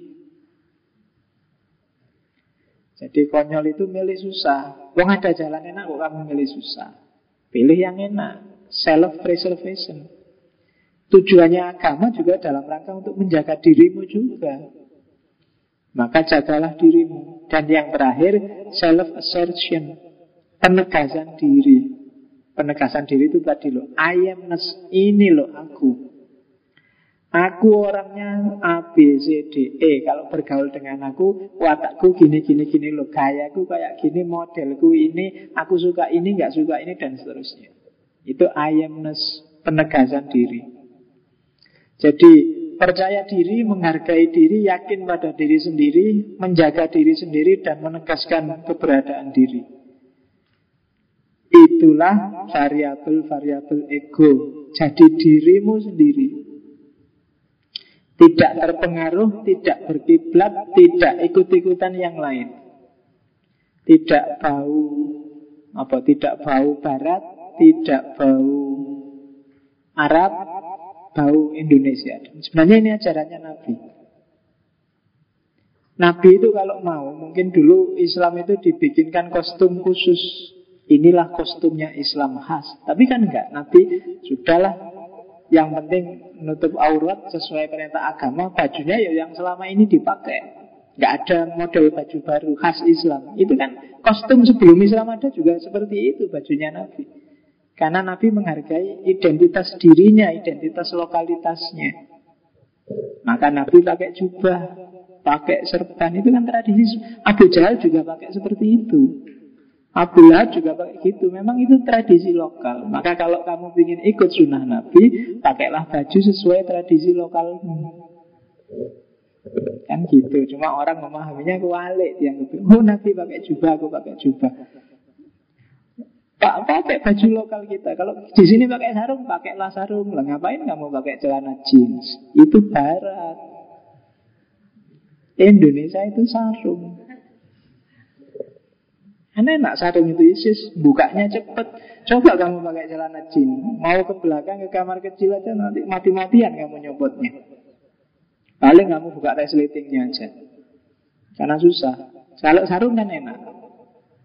Dan menguntungkan bagi penghuni yang di dalam. Jo kalau pakai celana jin itu Jin ini kan awal sejarahnya kan ini celana yang dibikin untuk para koboi di Amerika, para tukang angon kuda. Jin yang awal itu nggak jahitan tapi dipaku karena memang tebel, hawanya dingin terus butuh yang tebel yang nggak gampang robek. Tapi untuk cuaca Indonesia itu sebenarnya kontraproduktif karena di Indonesia hawanya agak lembab. Kalau kamu pakai jin yang ketat itu alamat keringetmu nggak bisa menguap. Maka hati-hati kalau pakai jin atas bawah, kamu bisa pingsan kehabisan kalau bahasa Jawa ini keringet buntet. Sama, orang Arab itu kenapa tertutup semua bahkan laki-lakinya pakai kayak jilbab kayak di Indonesia pakai serban itu. Ya karena di sana udaranya sangat kering. Keringatnya selalu menguap. Itu kalau dibiarin terus menerus pakai baju terbuka kamu bisa dehidrasi kehabisan cairan. Maka pakailah jubah yang tertutup semua itu biar nggak cepat menguap. Kebalikannya di Indonesia lembab kalau kamu tutup semua kayak pakai jubah, malah keringetmu nggak bisa menguap kayak tadi. Kamu bisa, nah itu lokalitas. Untuk bisa ngerti ini ya dikenali dong jati dirinya masing-masing. Sejauh mana kapasitas kekuatannya orang Indonesia, kapasitas kekuatannya orang Jawa kan gitu. Kalau sekedar pakai jubah, yo Abu Jahal juga pakai jubah. Yang yang urusan lokal, urusan itu kan sesuai dengan logika sana, logika lokal. Kita juga pakai logika lokal. Yang tidak boleh ditabrak kan norma-norma dasarnya. Misalnya harus nutup aurat. Kayak sekarang kan kebalik, auratnya ditutup pakai jilbab atasnya, cuma bawahnya Alhamdulillah tadi. Kan banyak sekarang pakai jilbab tapi kalau mulai udelnya kelihatan. Lo itu kebalik. Harusnya tidak jilbaban, tidak apa-apa asal auratnya ketutup kan gitu. Entah gimana caranya. Loh ya kan jilbab itu cuma nama jenis model kan mungkin nggak jilbaban ditutup pakai apa yang nggak bukan jilbab apa sarung diubet-ubet ke apa anu kan kan itu bukan jilbab itu namanya kan nggak jilbaban tapi kan auratnya ketutup daripada kamu jilbaban model-model ada yang dibulut-bulut kayak orang mau bunuh diri itu tapi bawahnya kebuka berarti normanya nggak kena jati dirinya nggak kepegang yang seperti itu Kayak itu variabel ego. Tujuannya apa sih ego itu? Tujuannya bukan apa? Kalau bahasanya Iqbal itu bukan untuk melihat sesuatu Tapi untuk menjadi sesuatu yang berubah terus Jadi ego itu harus selalu naik kelas Tidak ada tujuan final Karena kita manusia terbatas dan dalam keterbatasan kita selalu berkembang. Jadi hari ini yang bagus dan baik menurutku ini, maka egoku menuju ke sana. Setelah sampai di sana, dapat wawasan baru. Oh, ada yang lebih bagus itu, dan aku akan menuju ke sana. Itulah ego. Jadi tujuan ego adalah untuk menjadi sesuatu yang berubah terus-menerus. Jadi jangan dipaten. Kenapa? Karena yang baik, yang benar, yang pantas, yang layak itu parameternya selalu berubah dan berkembang. Saya sering ditanya karena ngaji filsafat ditanya, Pak akal itu kan ada batasnya. Ada. Batasnya di mana Pak? Enggak ada di mananya, tapi dia ada. Batasnya adalah ketika orang sudah mentok. Berarti itu batas. Karena mentoknya akal nanti mungkin kebongkar Oh ternyata jawabannya ini kan berkembang lagi Mentok lagi Tapi nanti yang tadi mentok kebongkar Jalan lagi sudah Dulu mungkin kamu bingung ada Orang dibakar nggak mempan Kayak Nabi Ibrahim. Tapi sekarang akalnya kan Akal zaman itu nggak nyambung dibakar Sekarang mungkin sudah nyambung. Zaman dulu mukjizat mungkin hari ini biasa Orang dibakar nggak mempan mungkin tinggal pakai bajunya tukang pemadam kebakaran mungkin nggak kebakar. Nabi Isa itu mukjizatnya menyembuhkan penyakit kusta lepra. Sekarang sudah ada obatnya zaman dulu mukjizat tapi sekarang enggak. Kenapa? Akal sudah bisa menjangkau. Mukjizat itu kan disesuaikan dengan kondisi masyarakatnya. Zaman Nabi Musa tongkat dilemparkan jadi ular. Dan orang kagum luar biasa. Karena zaman itu belum ada Deddy Corbuzier dan kawan-kawan Itu kan untuk mengagetkan orang Mengagumkan orang. Wah berarti ini bukan manusia ini kan itu. Kalau hari ini ada yang orang terus Lihat ini tongkat. Trik, ha, jadi ular. Enggak kaget orang hari ini. Nah, zaman Nabi Musa orang kaget. Itu loh. Itu bedanya. Sehingga akal itu ada batasnya Tapi batasnya mentok. Kalau mentok dan terbongkar ya batasnya berkembang terus. Batasnya akal itu. Makanya kalau katanya Hegel kan manusia itu berkembang dari rasional ke yang lebih rasional ke yang lebih rasional dan begitu terus peradaban manusia itu. Dari manusia nggak pakai baju sampai manusia yang pakai tutup bawah aja sampai manusia yang kenal celana kemudian kenal baju kenal jubah kenal mode kenal dari rasional ke yang rasional ke yang rasional. Dan ego juga berkembang seperti itu. Jadi berkembang secara progresif. Jenisnya ego ada dua, ada ego efisien, ada ego apresiatif. Ego efisien itu ego yang bunyi hari ini, sekarang, saat ini. Ah, ngajinya membosankan, ego efisien. Ah, bagus yang kemarin, itu ego efisien. Ah, itu gitu. Ada jenis ego kedua, ego yang apresiatif. Ego apresiatif itu biasanya dalam refleksi, dalam kontemplasi. Jadi setelah ngalami ngaji ini nanti pulang terus dipikir-pikir. Ternyata Iqbal itu kayak gitu ya. Harusnya ya ini ego yang apresiatif. Kamu di luar ngalami apa, terus saat itu juga kamu menangkap, mengomentari, memahami. Pemahaman saat itu, itu yang kerja namanya ego efisien. Tapi nanti setelah pulang kamu pikir-pikir, aku tadi kok gitu ya. Masa sih aku bisa kayak gitu? Padahal aku biasanya nggak gitu loh. Nah, Itu namanya ego apresiatif. Kok bisa ya tadi aku ngomong gitu? Jangan-jangan orangnya tersinggung. Padahal tadi pas ngomong kesadaranmu nggak bunyi seperti itu. Nah itu bedanya antara ego efisien dan ego apresiatif. Terus ego itu selalu berada dalam tension dalam tegangan. Jadi jangan salah, egomu itu kamu sadar apa enggak sadar selalu bekerja. Kenapa? Karena dia merespon dirimu sendiri juga merespon lingkunganmu. Merespon keinginan-keinginanmu, merespon hasrat-hasratmu, merespon pemahaman-pemahamanmu. Dan juga merespon lingkungan sekelilingmu merespon temanmu, merespon sahabatmu, merespon dosenmu, merespon maka dia selalu berdialog dengan dirinya sendiri dan dengan lingkungannya. Dari situ mungkin nanti muncul wawasan baru, muncul pemahaman baru, muncul itu kerja ego sebenarnya. Jadi jangan salah, dirimu itu sebenarnya rame sekali. Kalau nggak percaya ya coba nanti sekali-sekali apa yang bunyi di kepalamu itu ditulis. Tentang apa aja wis. Tadi pagi ketemu cewek cakep Cuma ngelirik aku aja enggak. Terus semua ditulis semua pengalaman. Ini akan kelihatan bahwa sebenarnya rame Dalam dirimu itu. Tidak pernah sepi. Keinginan Hasrat.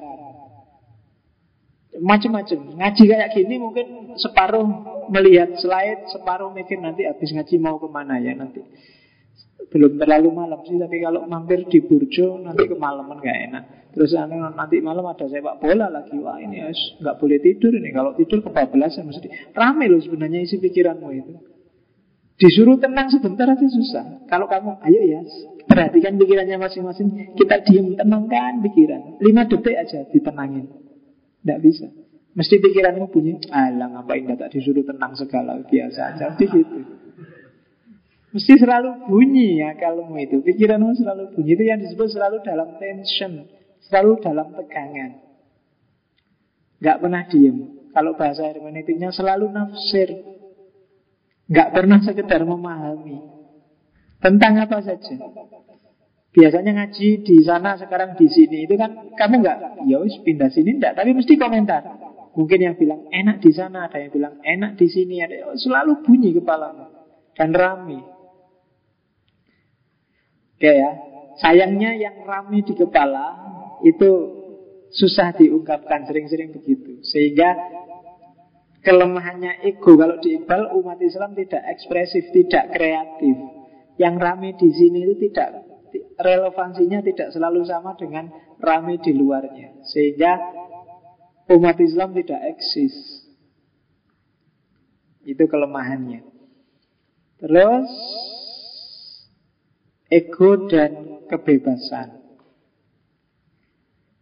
Jadi kebebasan teman-teman sudah ngerti berarti isinya hidup ini cuma dua sebenarnya katanya Iqbal dalam konteks kebebasan kamu mempertahankan egomu atau menghancurkan egomu. Itu aja. Mempertahankan ego itu mempertahankan jati dirimu. Dirimu apa adanya kalau menghan Hancurkan ego itu berarti kamu melupakan otentisitasmu. melupakan hasratmu, melupakan ambisimu, melupakan keinginanmu. Kamu tinggal ikut lingkungan sekelilingmu. Itu berarti kamu sedang menghancurkan egomu sendiri, menghancurkan dirimu sendiri. Kamu sedang lari dari kebebasan. Dan orang yang lari dari kebebasan Kalau bahasanya Iqbal Dia sebut dengan istilah sawal Sawal Ya kalau sawal bulan kamu Tapi ini sawal bahasa Persia Bahasa Urdu Jadi sawal itu berarti menerima begitu saja dan atau meniru begitu saja orang lain, bangsa lain, ide lain, budaya lain, tradisi lain. Itu berarti sawal. Hari ini kita banyak yang sawal. Nah, untuk keluar dari sana, untuk mempertahankan ego, kamu harus membuang sawal dan melakukan is. Is itu cinta. Jadi, kembangkanlah paradigma is, paradigma cinta. Dengan cinta kamu bisa mempertahankan egomu. Kenapa sih orang lari dari kebebasannya? Kenapa orang lari dari pribadinya sendiri meniru pribadi orang lain? Karena dia kehilangan cinta. Kehilangan respect pada dirinya. Kehilangan respect pada orang lain. Pokoknya kehilangan rasa sayang, rasa cinta. Dan itu bikin orang kemudian cari benchmark di luar dirinya. Jadi Silahkan kamu analisis dirimu sendiri, kamu sedang menghancurkan egomu atau mempertahankan ego. Hanya satu di antara dua. Memperhatikan otentisitasmu. Yo, kayak kamu masang foto di Facebook terus, lu kok komentarnya jelek-jelek semua terus kamu ganti gaya. Itu berarti kamu sedang menghancurkan egomu. Tapi kalau komentarnya bagus-bagus atau ada yang bilang lebih bagus kamu rambutnya dipendekin, lebih bagus kamu kayaknya gini, dan kamu manut, berarti kamu sedang berada di dunia syawal. Kamu sedang ikut hanyut oleh orang lain. Nah, kalau kamu melakukan ish, memelihara egomu terus, pada puncaknya kamu akan ketemu dengan konsep insan kamilnya Iqbal. Jadi Insan kamil adalah orang yang mencapai puncak kediriannya. Jadi insan kamil adalah seorang mukmin definisinya Iqbal. Mukmin sejati yang punya kekuatan, punya wawasan, berani berbuat dan bijaksana. Itu cirinya insan kamil. Spiritualitasnya tinggi, tapi juga dunia menguasai. Iqbal yang diidolakan contoh paling tegas insan kamil itu Nabi. Nabi itu hidupnya didedikasikan 100% untuk Allah tapi juga 100% untuk umatnya. Nabi mengalami mi'raj ke langit tapi Nabi kembali lagi ke bumi. Kalau para sufi kan mi'raj ke langit dan nggak mau kembali ke bumi. Ya kan, sufi-sufi itu kan puncak akhir perjalanannya adalah bersatu dengan Tuhan setelah itu selesai. Beda sama Nabi. Kalau Nabi dia melakukan mi'raj tapi kembali lagi ke bumi mikir umatnya. Dia eksis di tengah umatnya. Dan itulah insan yang kamil. Secara religius dia mencapai puncak, secara individual dia mencapai puncak, dan secara sosial dia mencapai puncak. Dia tidak berhenti dengan kepuasannya bersatu dengan Tuhan, kepuasannya bertemu Tuhan. Dia tidak berhenti di situ, tapi kembali lagi ke dunia. Karena ada yang kisahnya beda. Kayak Nabi Idris itu dulu ceritanya dibawa ke surga, terus diajak kembali nggak mau. Sama malaikat Jibril, Lu tidak bisa Nabi Idris sampai belum meninggal nggak bisa tinggal di sini Akhirnya Nabi Idris bikin trik Sandalnya ditinggal di surga Begitu nyampe bumi, loh sandalku ketinggalan. Ayo diambil balik lagi ke surga. Ceritanya gitu, nggak tahu bener apa enggak. Sehingga Nabi Idris balik lagi ke surga. Kalau Nabi Muhammad tegas. Padahal Nabi Muhammad Mi'raj itu kan ketika Nabi sedang mengalami duka cita luar biasa, ditinggal pamannya dan istri tercintanya. Biasanya orang yang stres berduka itu kalau kalau ditawari kenikmatan yang luar biasa, udahlah di sini aja nggak usah pulang. Kalau pulang sedih lagi nanti terus, tapi enggak, Nabi balik lagi mikir umatnya. Dan itulah insan kamil. Setelah kedirianmu mencapai puncaknya, kamu nggak menang-menangan, ingin seneng dewi, tapi ingin berbagi kebahagiaan dengan yang lain. Itu puncaknya ego. Kalau dalam teologinya Iqbal Ego itu berevolusi sampai insan kamil melalui dua tahap. Yang pertama tahap kepatuhan. Setelah kamu patuh Kamu akan ketemu makom kedua yaitu self-control Kontrol diri. Setelah kontrol dirimu penuh dan puncak Kamu akan ketemu dengan Divine Visigerensi Divine visigerensi itu oh, manusia yang sudah jadi wakilnya Tuhan di muka bumi. Sudah jadi khalifah. Karena memang ini jailun fil arti itu khalifah. Tidak disuruh jadi Tuhan lagi, tapi disuruh jadi khalifah. Dan itu makom tertinggi. Kalau kamu sudah bisa merealisasikan fungsimu sebagai khalifah di muka bumi, berarti kamu sudah nyampe di level insan kamil. Jadi ada proses evolutif dari ego. Iqbal juga menjelaskan proses evolutif juga agama. Agama itu proses evolusinya ada tiga juga. Ini ego keagamaan berkembang dari iman, pemikiran, kemudian penemuan. Percaya dulu, dipikir, terus paham. Itu kehidupan keagamaan. Hari ini saya tidak tahu, mungkin kita levelnya masih iman dong. Kita belum pernah mikir tentang agama kita. Pokoknya dilakoni, wais, percaya bener lah. Harusnya naik kelas. Difikirkan. Karena keyakinan minus pemikiran itu lebih lemah levelnya dibandingkan keyakinan plus pemahaman. Maka harus naik kelas ke pemikiran. Tapi mikirnya jangan ngawur. Mikir itu harus ada ujungnya. Ujungnya apa? Discovery. Buktinya discovery adalah imannya yang semakin dalam. Itu ciri paling gampang. Lupa kok saya nemunya iman yang tidak semakin dalam. Cari terus. Sampai ketemu yang semakin dalam. Nah itu maunya Iqbal. Kalau hari ini kita kan agak agak santai beragama itu.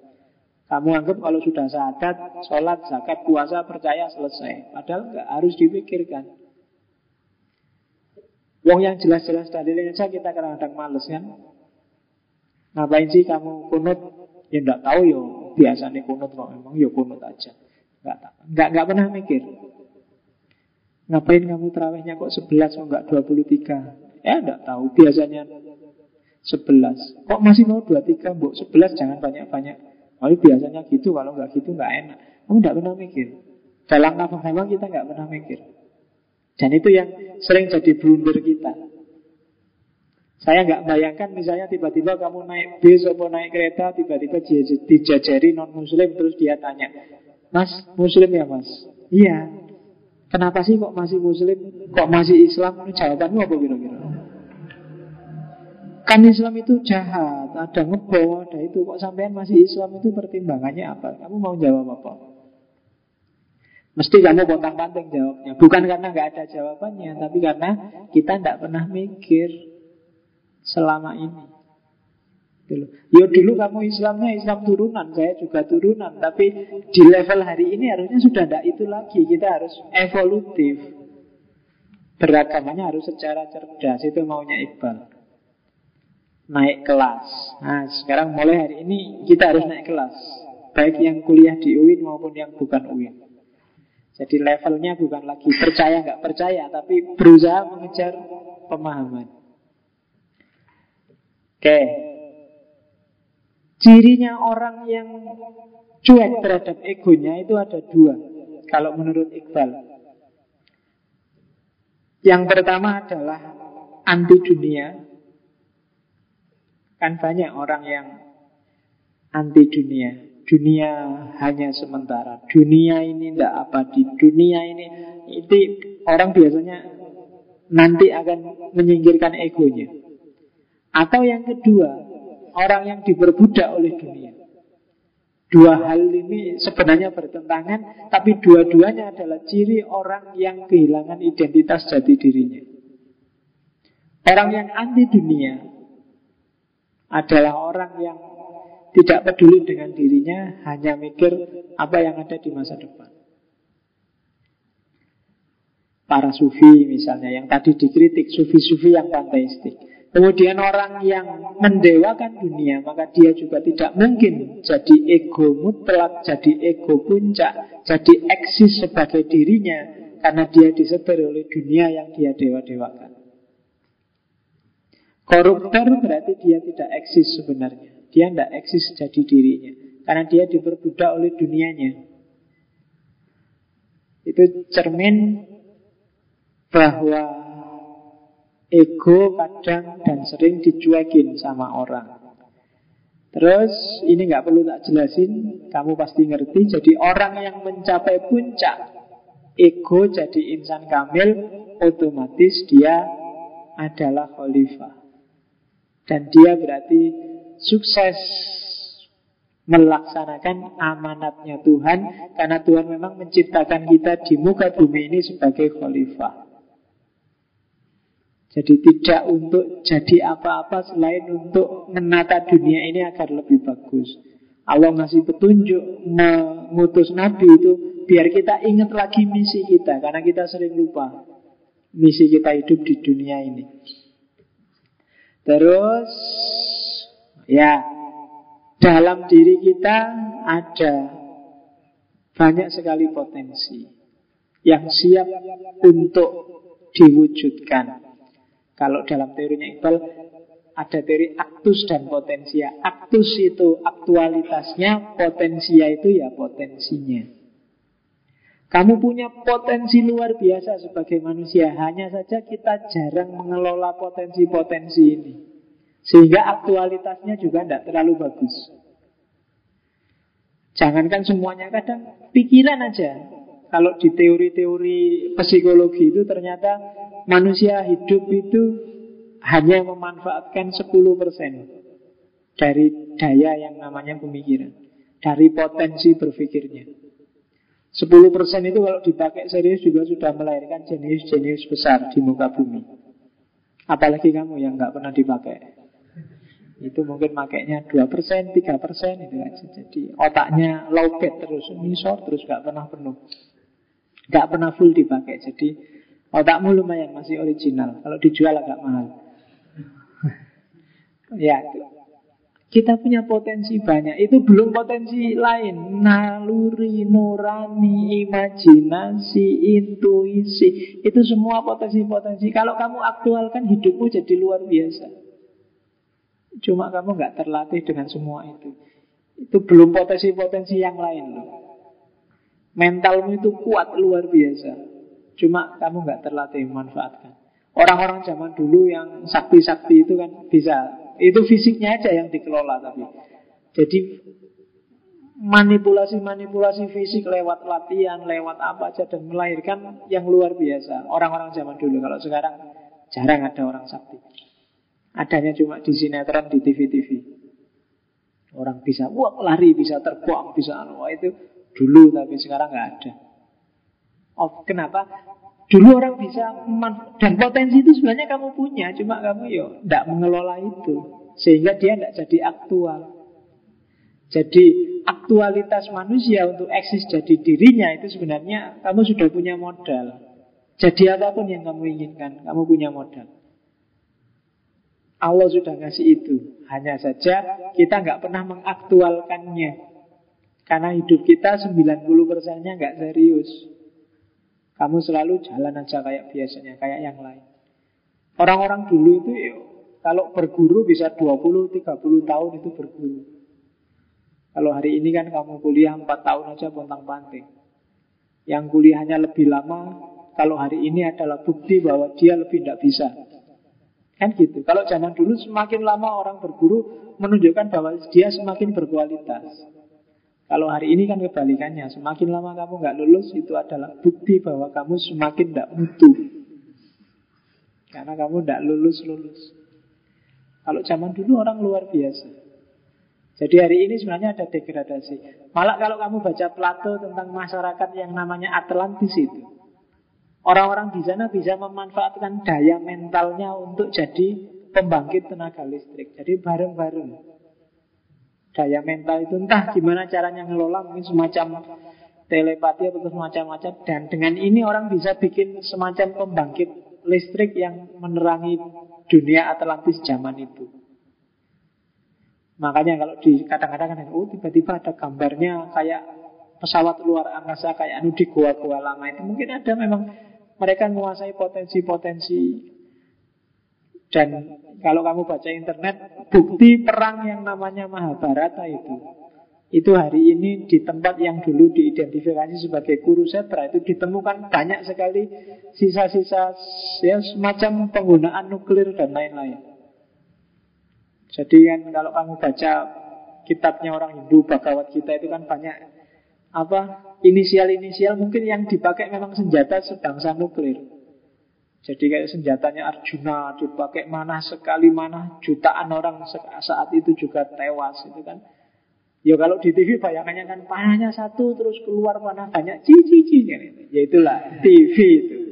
Tapi yang bisa pemunah masal secara sekaligus ya senjata-senjata jenis nuklir, jenis kan gitu. Dan hasil penelitian batu-batuan zaman itu sisa perang yang masih ada ditemukan fosil-fosilnya itu yang mengandung radiasi-radiasi zat-zat semacam nuklir. Mungkin orang dulu sudah kenal. Sehingga kan kan ada teori peradaban itu siklus itu.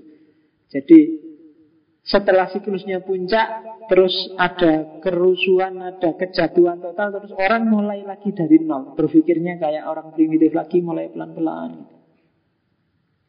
Nah itu manusia punya potensi, jangan salah. Apalagi orang Jawa. Apalagi orang Indonesia, nenek moyangmu kan orang hebat.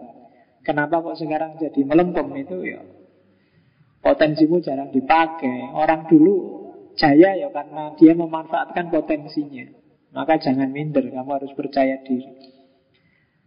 Kemudian ini yang menarik dari Adam.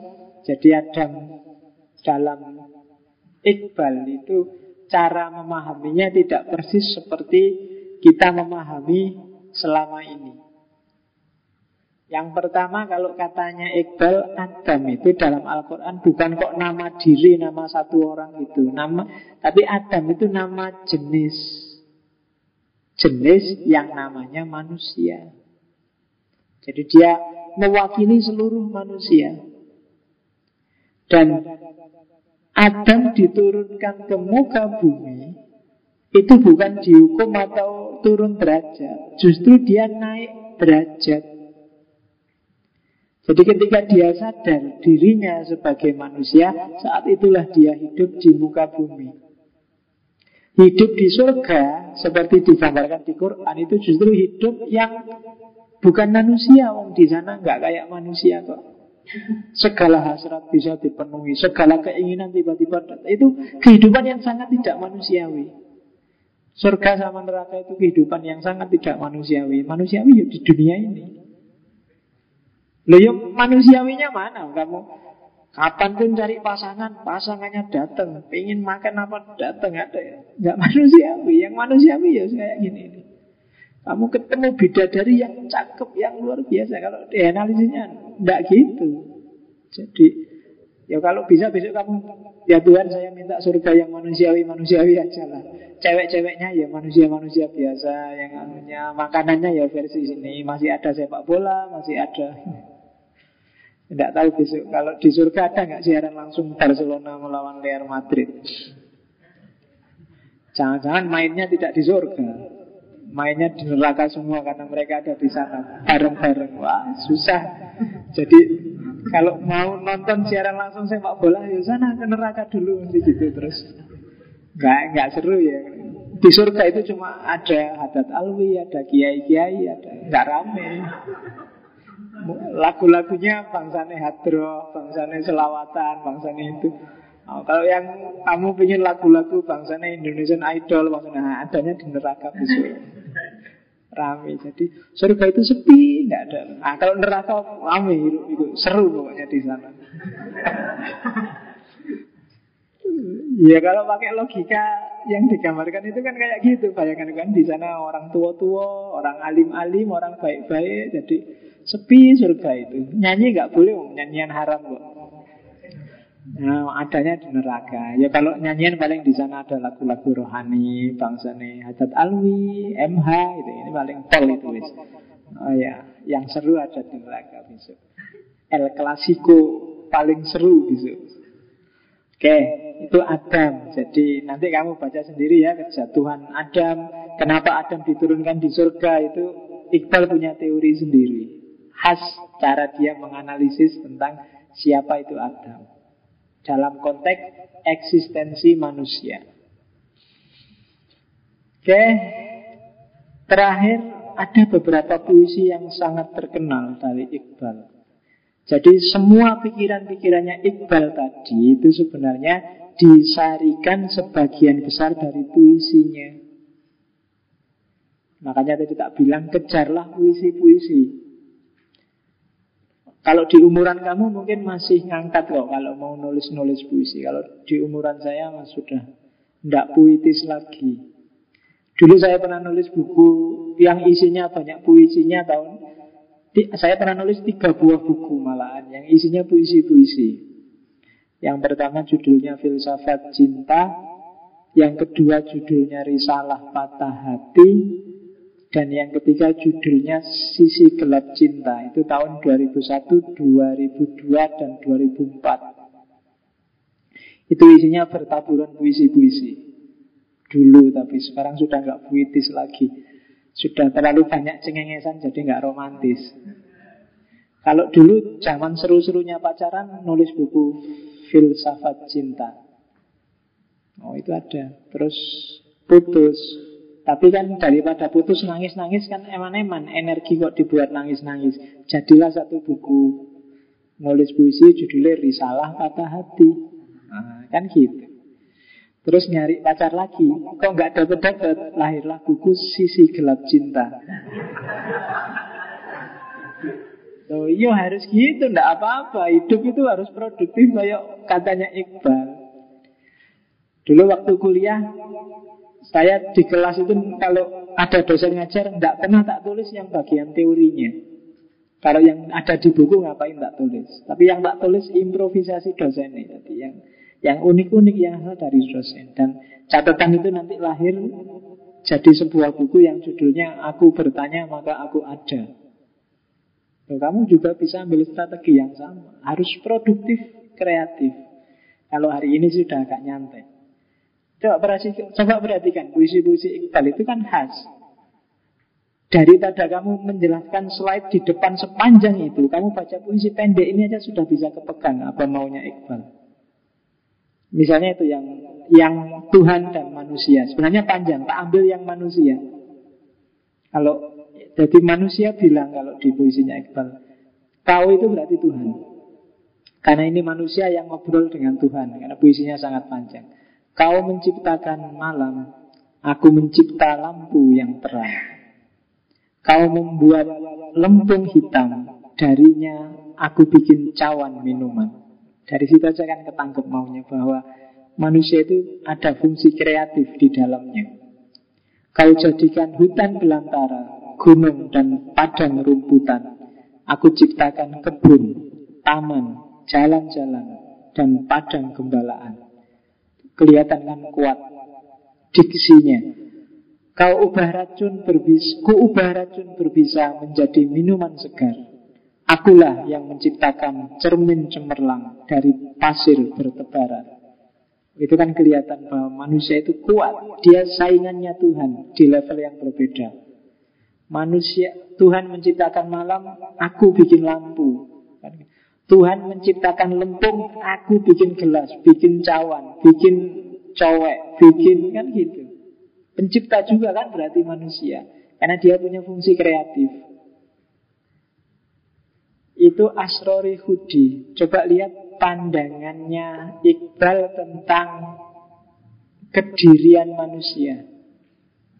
Coba dibaca. Oh burung yang dikirim dari surga, mati lebih baik daripada hidup diperhamba. Membuatmu lemah, tak dapat terbang ke mana. Menjadi fakir adalah lebih mengagumkan dibandingkan menjadi Darius atau Iskandar. Ketiadaan harta seorang fakir yang beriman akan melahirkan keberanian singa Tuhan. Keberanian dan tak takut adalah hakikat keberanian. Singa-singa Tuhan tak akan mau menempuh jalan yang dilalui seekor rubah liar. Itu kan dari diksinya kan terasa ada gairah manusia untuk berjuang untuk menjadi singa. Eksistensialisme atau puisi tentang kapitalisme karena dia juga mengkritik dunia perburuhan. Itu kan puisi judulnya kapitalis dan buruh. Cuma yang bunyi ini buruhnya. Duniaku adalah hiruk pikuk pabrik baja, sedang duniamu adalah melodi indah organ gereja. Duniaku semak belukar timbunan pajak paksa yang harus dibayar kepada penguasa. Duniamu surga dengan sidroh dan tubanya. Arak dengan kemabukannya adalah minuman yang kubawa. Minumanmu berasal dari Adam dan Hawa. Angsa, kakak tua, dan merpati adalah burungku. Huma dan Simura adalah harta kerajaanmu. Kamu kejar siapa Huma, siapa Simura, apa Angsa. Cari di mantikut toirnya Fariduddin Atar. Itu nanti kamu tahu kenapa dia identifikasi dirinya dengan Angsa, kakak tua, dan merpati. Bumi dan isi dalam perutnya adalah milikku. Membentang dari bumi ke langit adalah wilayahmu. Oh itu menyindir dengan kuat kelompok kapitalis. Kalau ini puisi panjang yang sering dibaca orang, tulip dari Sinai. Belajarlah dari kuntum bunga tentang hidup, oh hati. Ia adalah perlambang hidupmu yang selalu mencari cahaya. Ia menyembul jauh dari kegelapan bumi, namun sejak lahir memiliki mata di sinar matahari. Jika kau tahu kemungkinan-kemungkinanmu yang terpendam, embun akan bisa kau cipta menjadi lautan. Oh hati, mengapa mengemis terang kepada sinar bulan? Nyalakan lampumu sendiri agar terang malammu yang sendirian. Kau masih terikat pada warna kulit dan ras saja, maka kau sebut aku Afgan atau Turkoman. Namun aku pertama kali manusia, nyata manusia, baru kemudian bisa kau sebut India atau Turkistan. Oh itu kan yang anti anu tadi. Anti identitas sekunder. Dan yang terakhir sindirannya pada Barat yang saat itu maju karena meskipun tiga tahun dia di Barat, dia begitu datang ke India dia bilang aku masih India. Dan dia menyusun puisi panjang Dan itu salah satunya Wahai penduduk benua barat Bumi yang Bumi Tuhan bukanlah kedai. Apa yang kalian anggap berharga Kelak akan ternyata tak bernilai. Itu sindirannya pada barat. Dan masih banyak sekali puisi-puisi bagus dari Iqbal. Makanya tadi tak bilang Kejarlah puisi-puisinya Iqbal puisi-puisinya para filosof. Nietzsche juga banyak nulis puisi. Kamu kejar aja, biasanya bagus-bagus. Daripada kamu habiskan waktumu untuk mendengarkan buka sidik jos. Kan nadanya jauh. Arahnya itu kan jauh antara buka sidik jos dengan wahai penduduk benua barat itu kan beda. Agak serius dikit ya hari ini untuk jadi eksis dengan diri kita. Oke, itu Iqbal sudah mau jam 10. Silahkan kalau ada yang mau komentar. menjadi manusia yang sejati dengan eksistensialisme, menurut saya kita sudah lima pertemuan dan sudah bisalah teman-teman untuk eksis jadi dirinya sendiri melalui eksistensialisme. Minggu depan kita geser sedikit ke fenomenologi. Karena sebenarnya harusnya tokoh besarnya fenomenologi Edmund Husserl itu lebih dulu daripada Nietzsche, lebih dulu daripada Iqbal, lebih dulu. Cuma karena pertimbangan klaster kajiannya maka fenomenologi agak ke belakang. Nanti setelah Husserl kita ngomong Heidegger. Baru setelah itu kita bermain-main dengan banyak tokoh baru kontemporer. Setelah itu baru saya berani masuk ke tematik. Mungkin filsafat ketuhanan, filsafat manusia, filsafat alam kosmologi, dan seterusnya. Baru setelah tema, kalau masih ada waktu, kita lanjutkan dengan filsafat Islam. Kita dalami juga tokoh-tokoh dari dunia muslim yang tidak kalah luar biasanya dengan tradisi dari filsafat barat.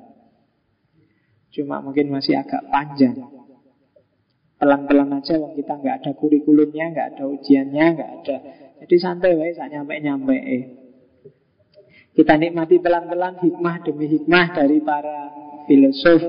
Semoga manfaat, maslahat, barokah. Ya. Lu harus begitu. Kalau manfaat itu sifatnya individual, kalau maslahat itu sosial, kalau barokah itu tambahan dari Allah yang tidak bisa dijangkau oleh pikiran biasa. Kan gitu. Apa-apa ada filosofinya, jangan dianggap. ah, ah. Mm. Saya pernah baca katanya keindahan itu adalah ekspresi dari. Oke ya. Nanti ada sesi mas, tak kasih lagi. Iqbal sebenarnya cuma sebagian kecil saja. Saya baru ngomong filsafat egonya. Kalau di Iqbal itu, itu pun sepotong karena hudi itu harus selalu disambungkan dengan huda. Dengan Tuhan. Dari situ nanti kamu akan ketemu estetikanya. Karena di paruh pertama Iqbal itu Tuhan itu estetika puncak nantinya. Tapi nanti ada lah, tak, tak jelasin di sini jadi bingung lagi. Ini aja dulu, pahami dulu kedirianmu. Sebenarnya nanti setelah kamu muncak jadi insan kamil, baru dirumuskan relasinya dengan kuda.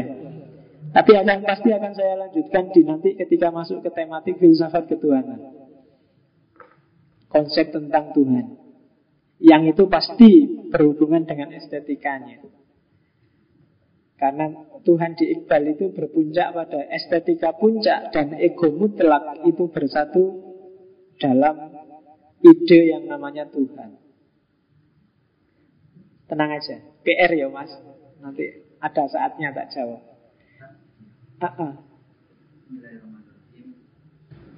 Ini Pak, tadi kan sempat dijelaskan bahwa salah satu pengaruh kepada ini adalah tapi dalam satu pernyataan selanjutnya Iqbal juga mengkritik mengkritik sufi kan. Dan kita ketahui Rumi itu adalah orang yang sufi. Dan ujung daripada pencarian sufi pastinya akan melakukan peleburan kan, peleburan dengan uh, apa Rumi ini juga akan melakukan tarian-tarian yang nyanyi.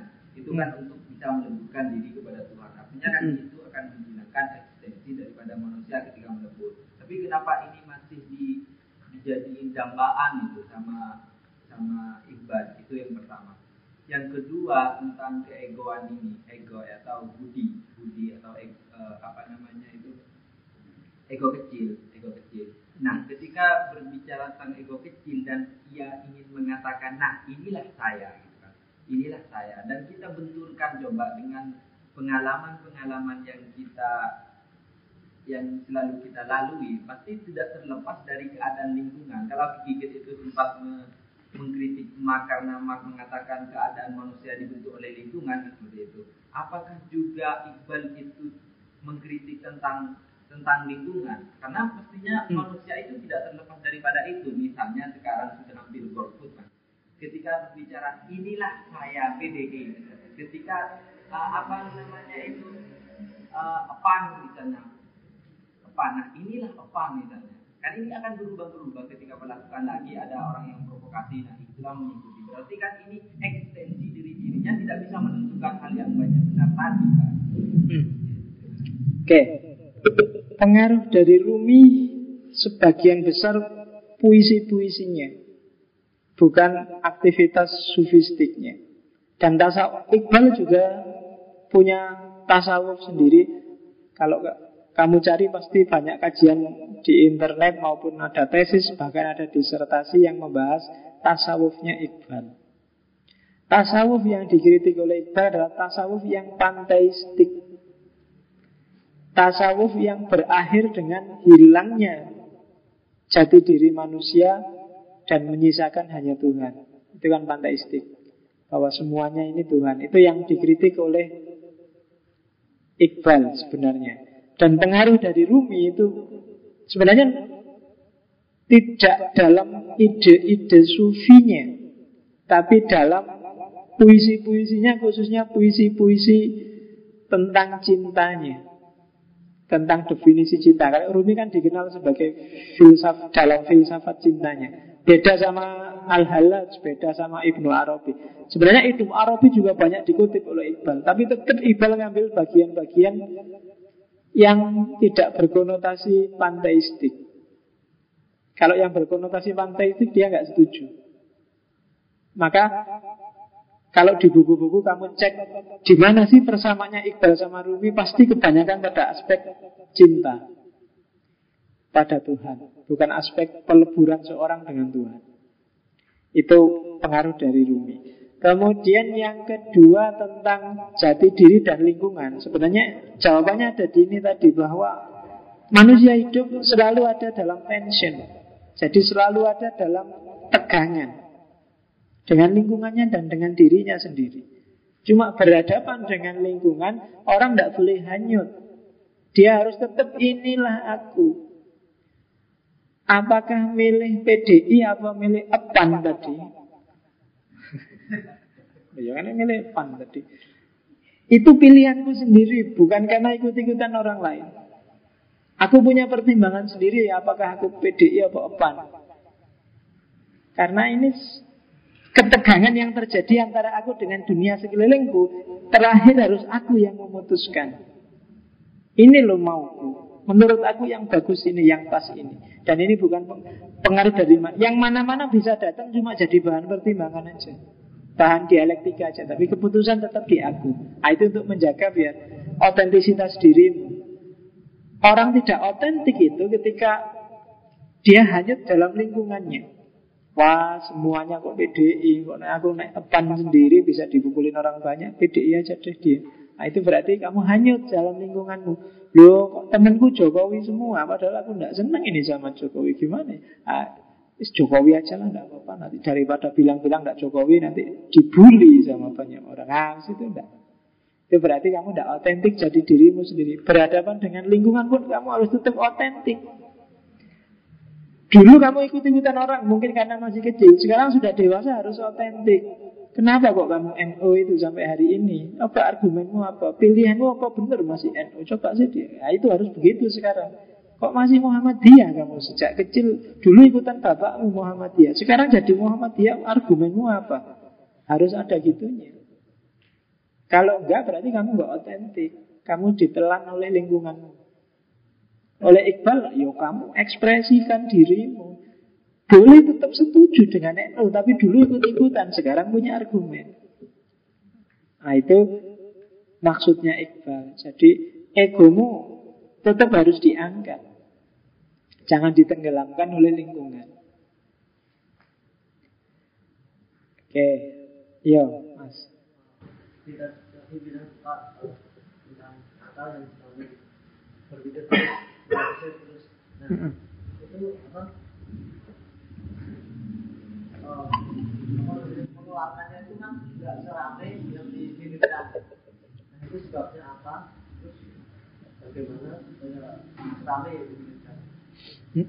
latihan mas untuk bisa janji. Kayak kamu kan sering, aku itu ngerti loh bisa mengeluarkannya maksud saya. Sering kan kamu gitu itu. Latihan mas. Jangan jadi kayak di kelas itu kan mahasiswa itu kebanyakan kalau di luar ngomongnya wah gitu, begitu masuk kelas jadi pendiam. Itu biasanya gitu. Kalau disuruh di luar manfaatkan momen di luar kelas itu untuk mengekspresikan yang ada di kepala. Kamu pingin sesuatu, kamu punya pendapat tertentu, kamu punya keinginan tertentu, kamu pingin komentari, pingin menyambut, menyanggah sesuatu, kamu setuju atau tidak setuju, ungkapkan aja. Dari situ kamu akan terlatih mengekspresikan diri. Dan ini untungnya besar. Selain ekspresi diri, itu juga sebenarnya kadang-kadang secara psikologis juga kondusif, kadang-kadang juga meringankan beban bawah sadarmu. Karena kalau kamu pendam aja, itu biasanya terus meracuni bawah sadarmu. Dia nyetir kamu tapi kamu nggak sadar. Eh, ungkapkan aja. Kalau mau nembak sekarang, tembak aja sekarang. Urusan ditolak, gampang nanti ganti lagi. Kan gitu. Kalau kamu pikir, kamu pendam terus, itu jadi penyakit, nanti muncul jerawat. Bawah sadarmu juga nggak karu-karuan. Tembak aja, ekspresikan. Setelah ditembak, lu kok ditolak? Ya wis, ganti lagi. Kan malah jelas enak. Daripada sejak kemarin kamu kocak kacuk maju mundur. Kalau jelas ditolak oke okay, sekarang kita friend aja aku tak cari yang lain. Kan gitu. Dalam ilmu juga gitu. Ekspresikan aja. Nanti kalau keliru ada yang ingetin kalau nggak pas pasti nanti ada mekanisme yang meluruskan. Tapi kan kamu belum sudah mengungkapkan. Dan lama-lama kamu akan terbiasa.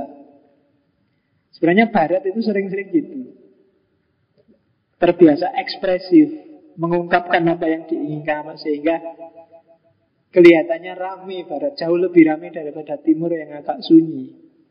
Orang timur kebanyakan agak merendahkan diri dalam konotasi rendah hati. Padahal kenyataannya sebenarnya minder.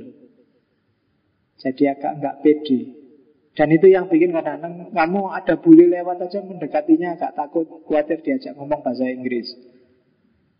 Wah, ada bule dan bule bagi kamu derajatnya agak tinggi. Kenapa ya? Karena kamunya sendiri minder. Dan itu yang yang banyak terjadi. Maka latihan aja mas, sebanyak-banyaknya. Ngomong, ekspresikan yang ada di kepalamu. Habiskan waktu untuk yang penting-penting termasuk kayak gini Mengidentifikasi diri Jangan isi kepala laku ini apa aja sih itu Jangan habiskan waktu untuk yang tidak penting Ya yang tidak pentingnya dari 90% sekarang dikurangilah jadi 80% misalnya kan lumayan Besok jadi 70% besok lagi ya. Itu untuk pada akhirnya kamu bisa mengontrol dirimu kalau sudah bisa mengontrol diri tadi di level kedua, kamu akan bisa jadi khalifah. Baik atas dirimu maupun atas lingkunganmu. Kalau sudah nyampe gini kamu akan dekat dengan makom namanya insan kamil Kalau di Iqbal. Kamu bisa merealisasikan tugasmu sebagai abid sekaligus sebagai khalifah. Kan tugas, tugas kita di dunia kan cuma itu. Jadi ekspresiflah mas. Entah di makom apa pun, tentang apa pun, di sama siapa pun Ungkapkan aja Biasanya kalau jujur dari hatimu Tidak akan ada masalah apa pun. Kalau jujur Kalau agak manipulatif biasanya terus Ada efek-efeknya. Tapi jujur aja Jujur aja sama kamu Aku nggak seret loh kamu kayak gitu. Itu biasanya lebih aman Lebih nyaman daripada kamu pendam Dan kamu omongkan ke orang lain. Nah yang gini-gini latihan. Biar terlatih karena ilmu semacam filsafat seperti ini itu kan pelampiasannya cuma dua kalau bukan di omongan ya di tulisan. Kamu yang merasa lemah di ngomong latihannya latihanlah nulis. Yang merasa lemah di tulisan latihanlah ngomong. Karena dunia hikmah seperti ini jalannya cuma dua itu. Di luar yang dijalankan secara nyata. Oke. Okay itu ya sudah jam 10 seperempat Minggu depan insya Allah kita buka baru dari ngaji filsafat Mungkin tidak banyak-banyak, dua aja Dua kali pertemuan untuk fenomenologi Kita awali dari Husserl dan kita akhiri di Heidegger. Saya akhiri sekian. Wallahul muwafiq wallahu a'lam bissawab. Wassalamualaikum warahmatullahi wabarakatuh.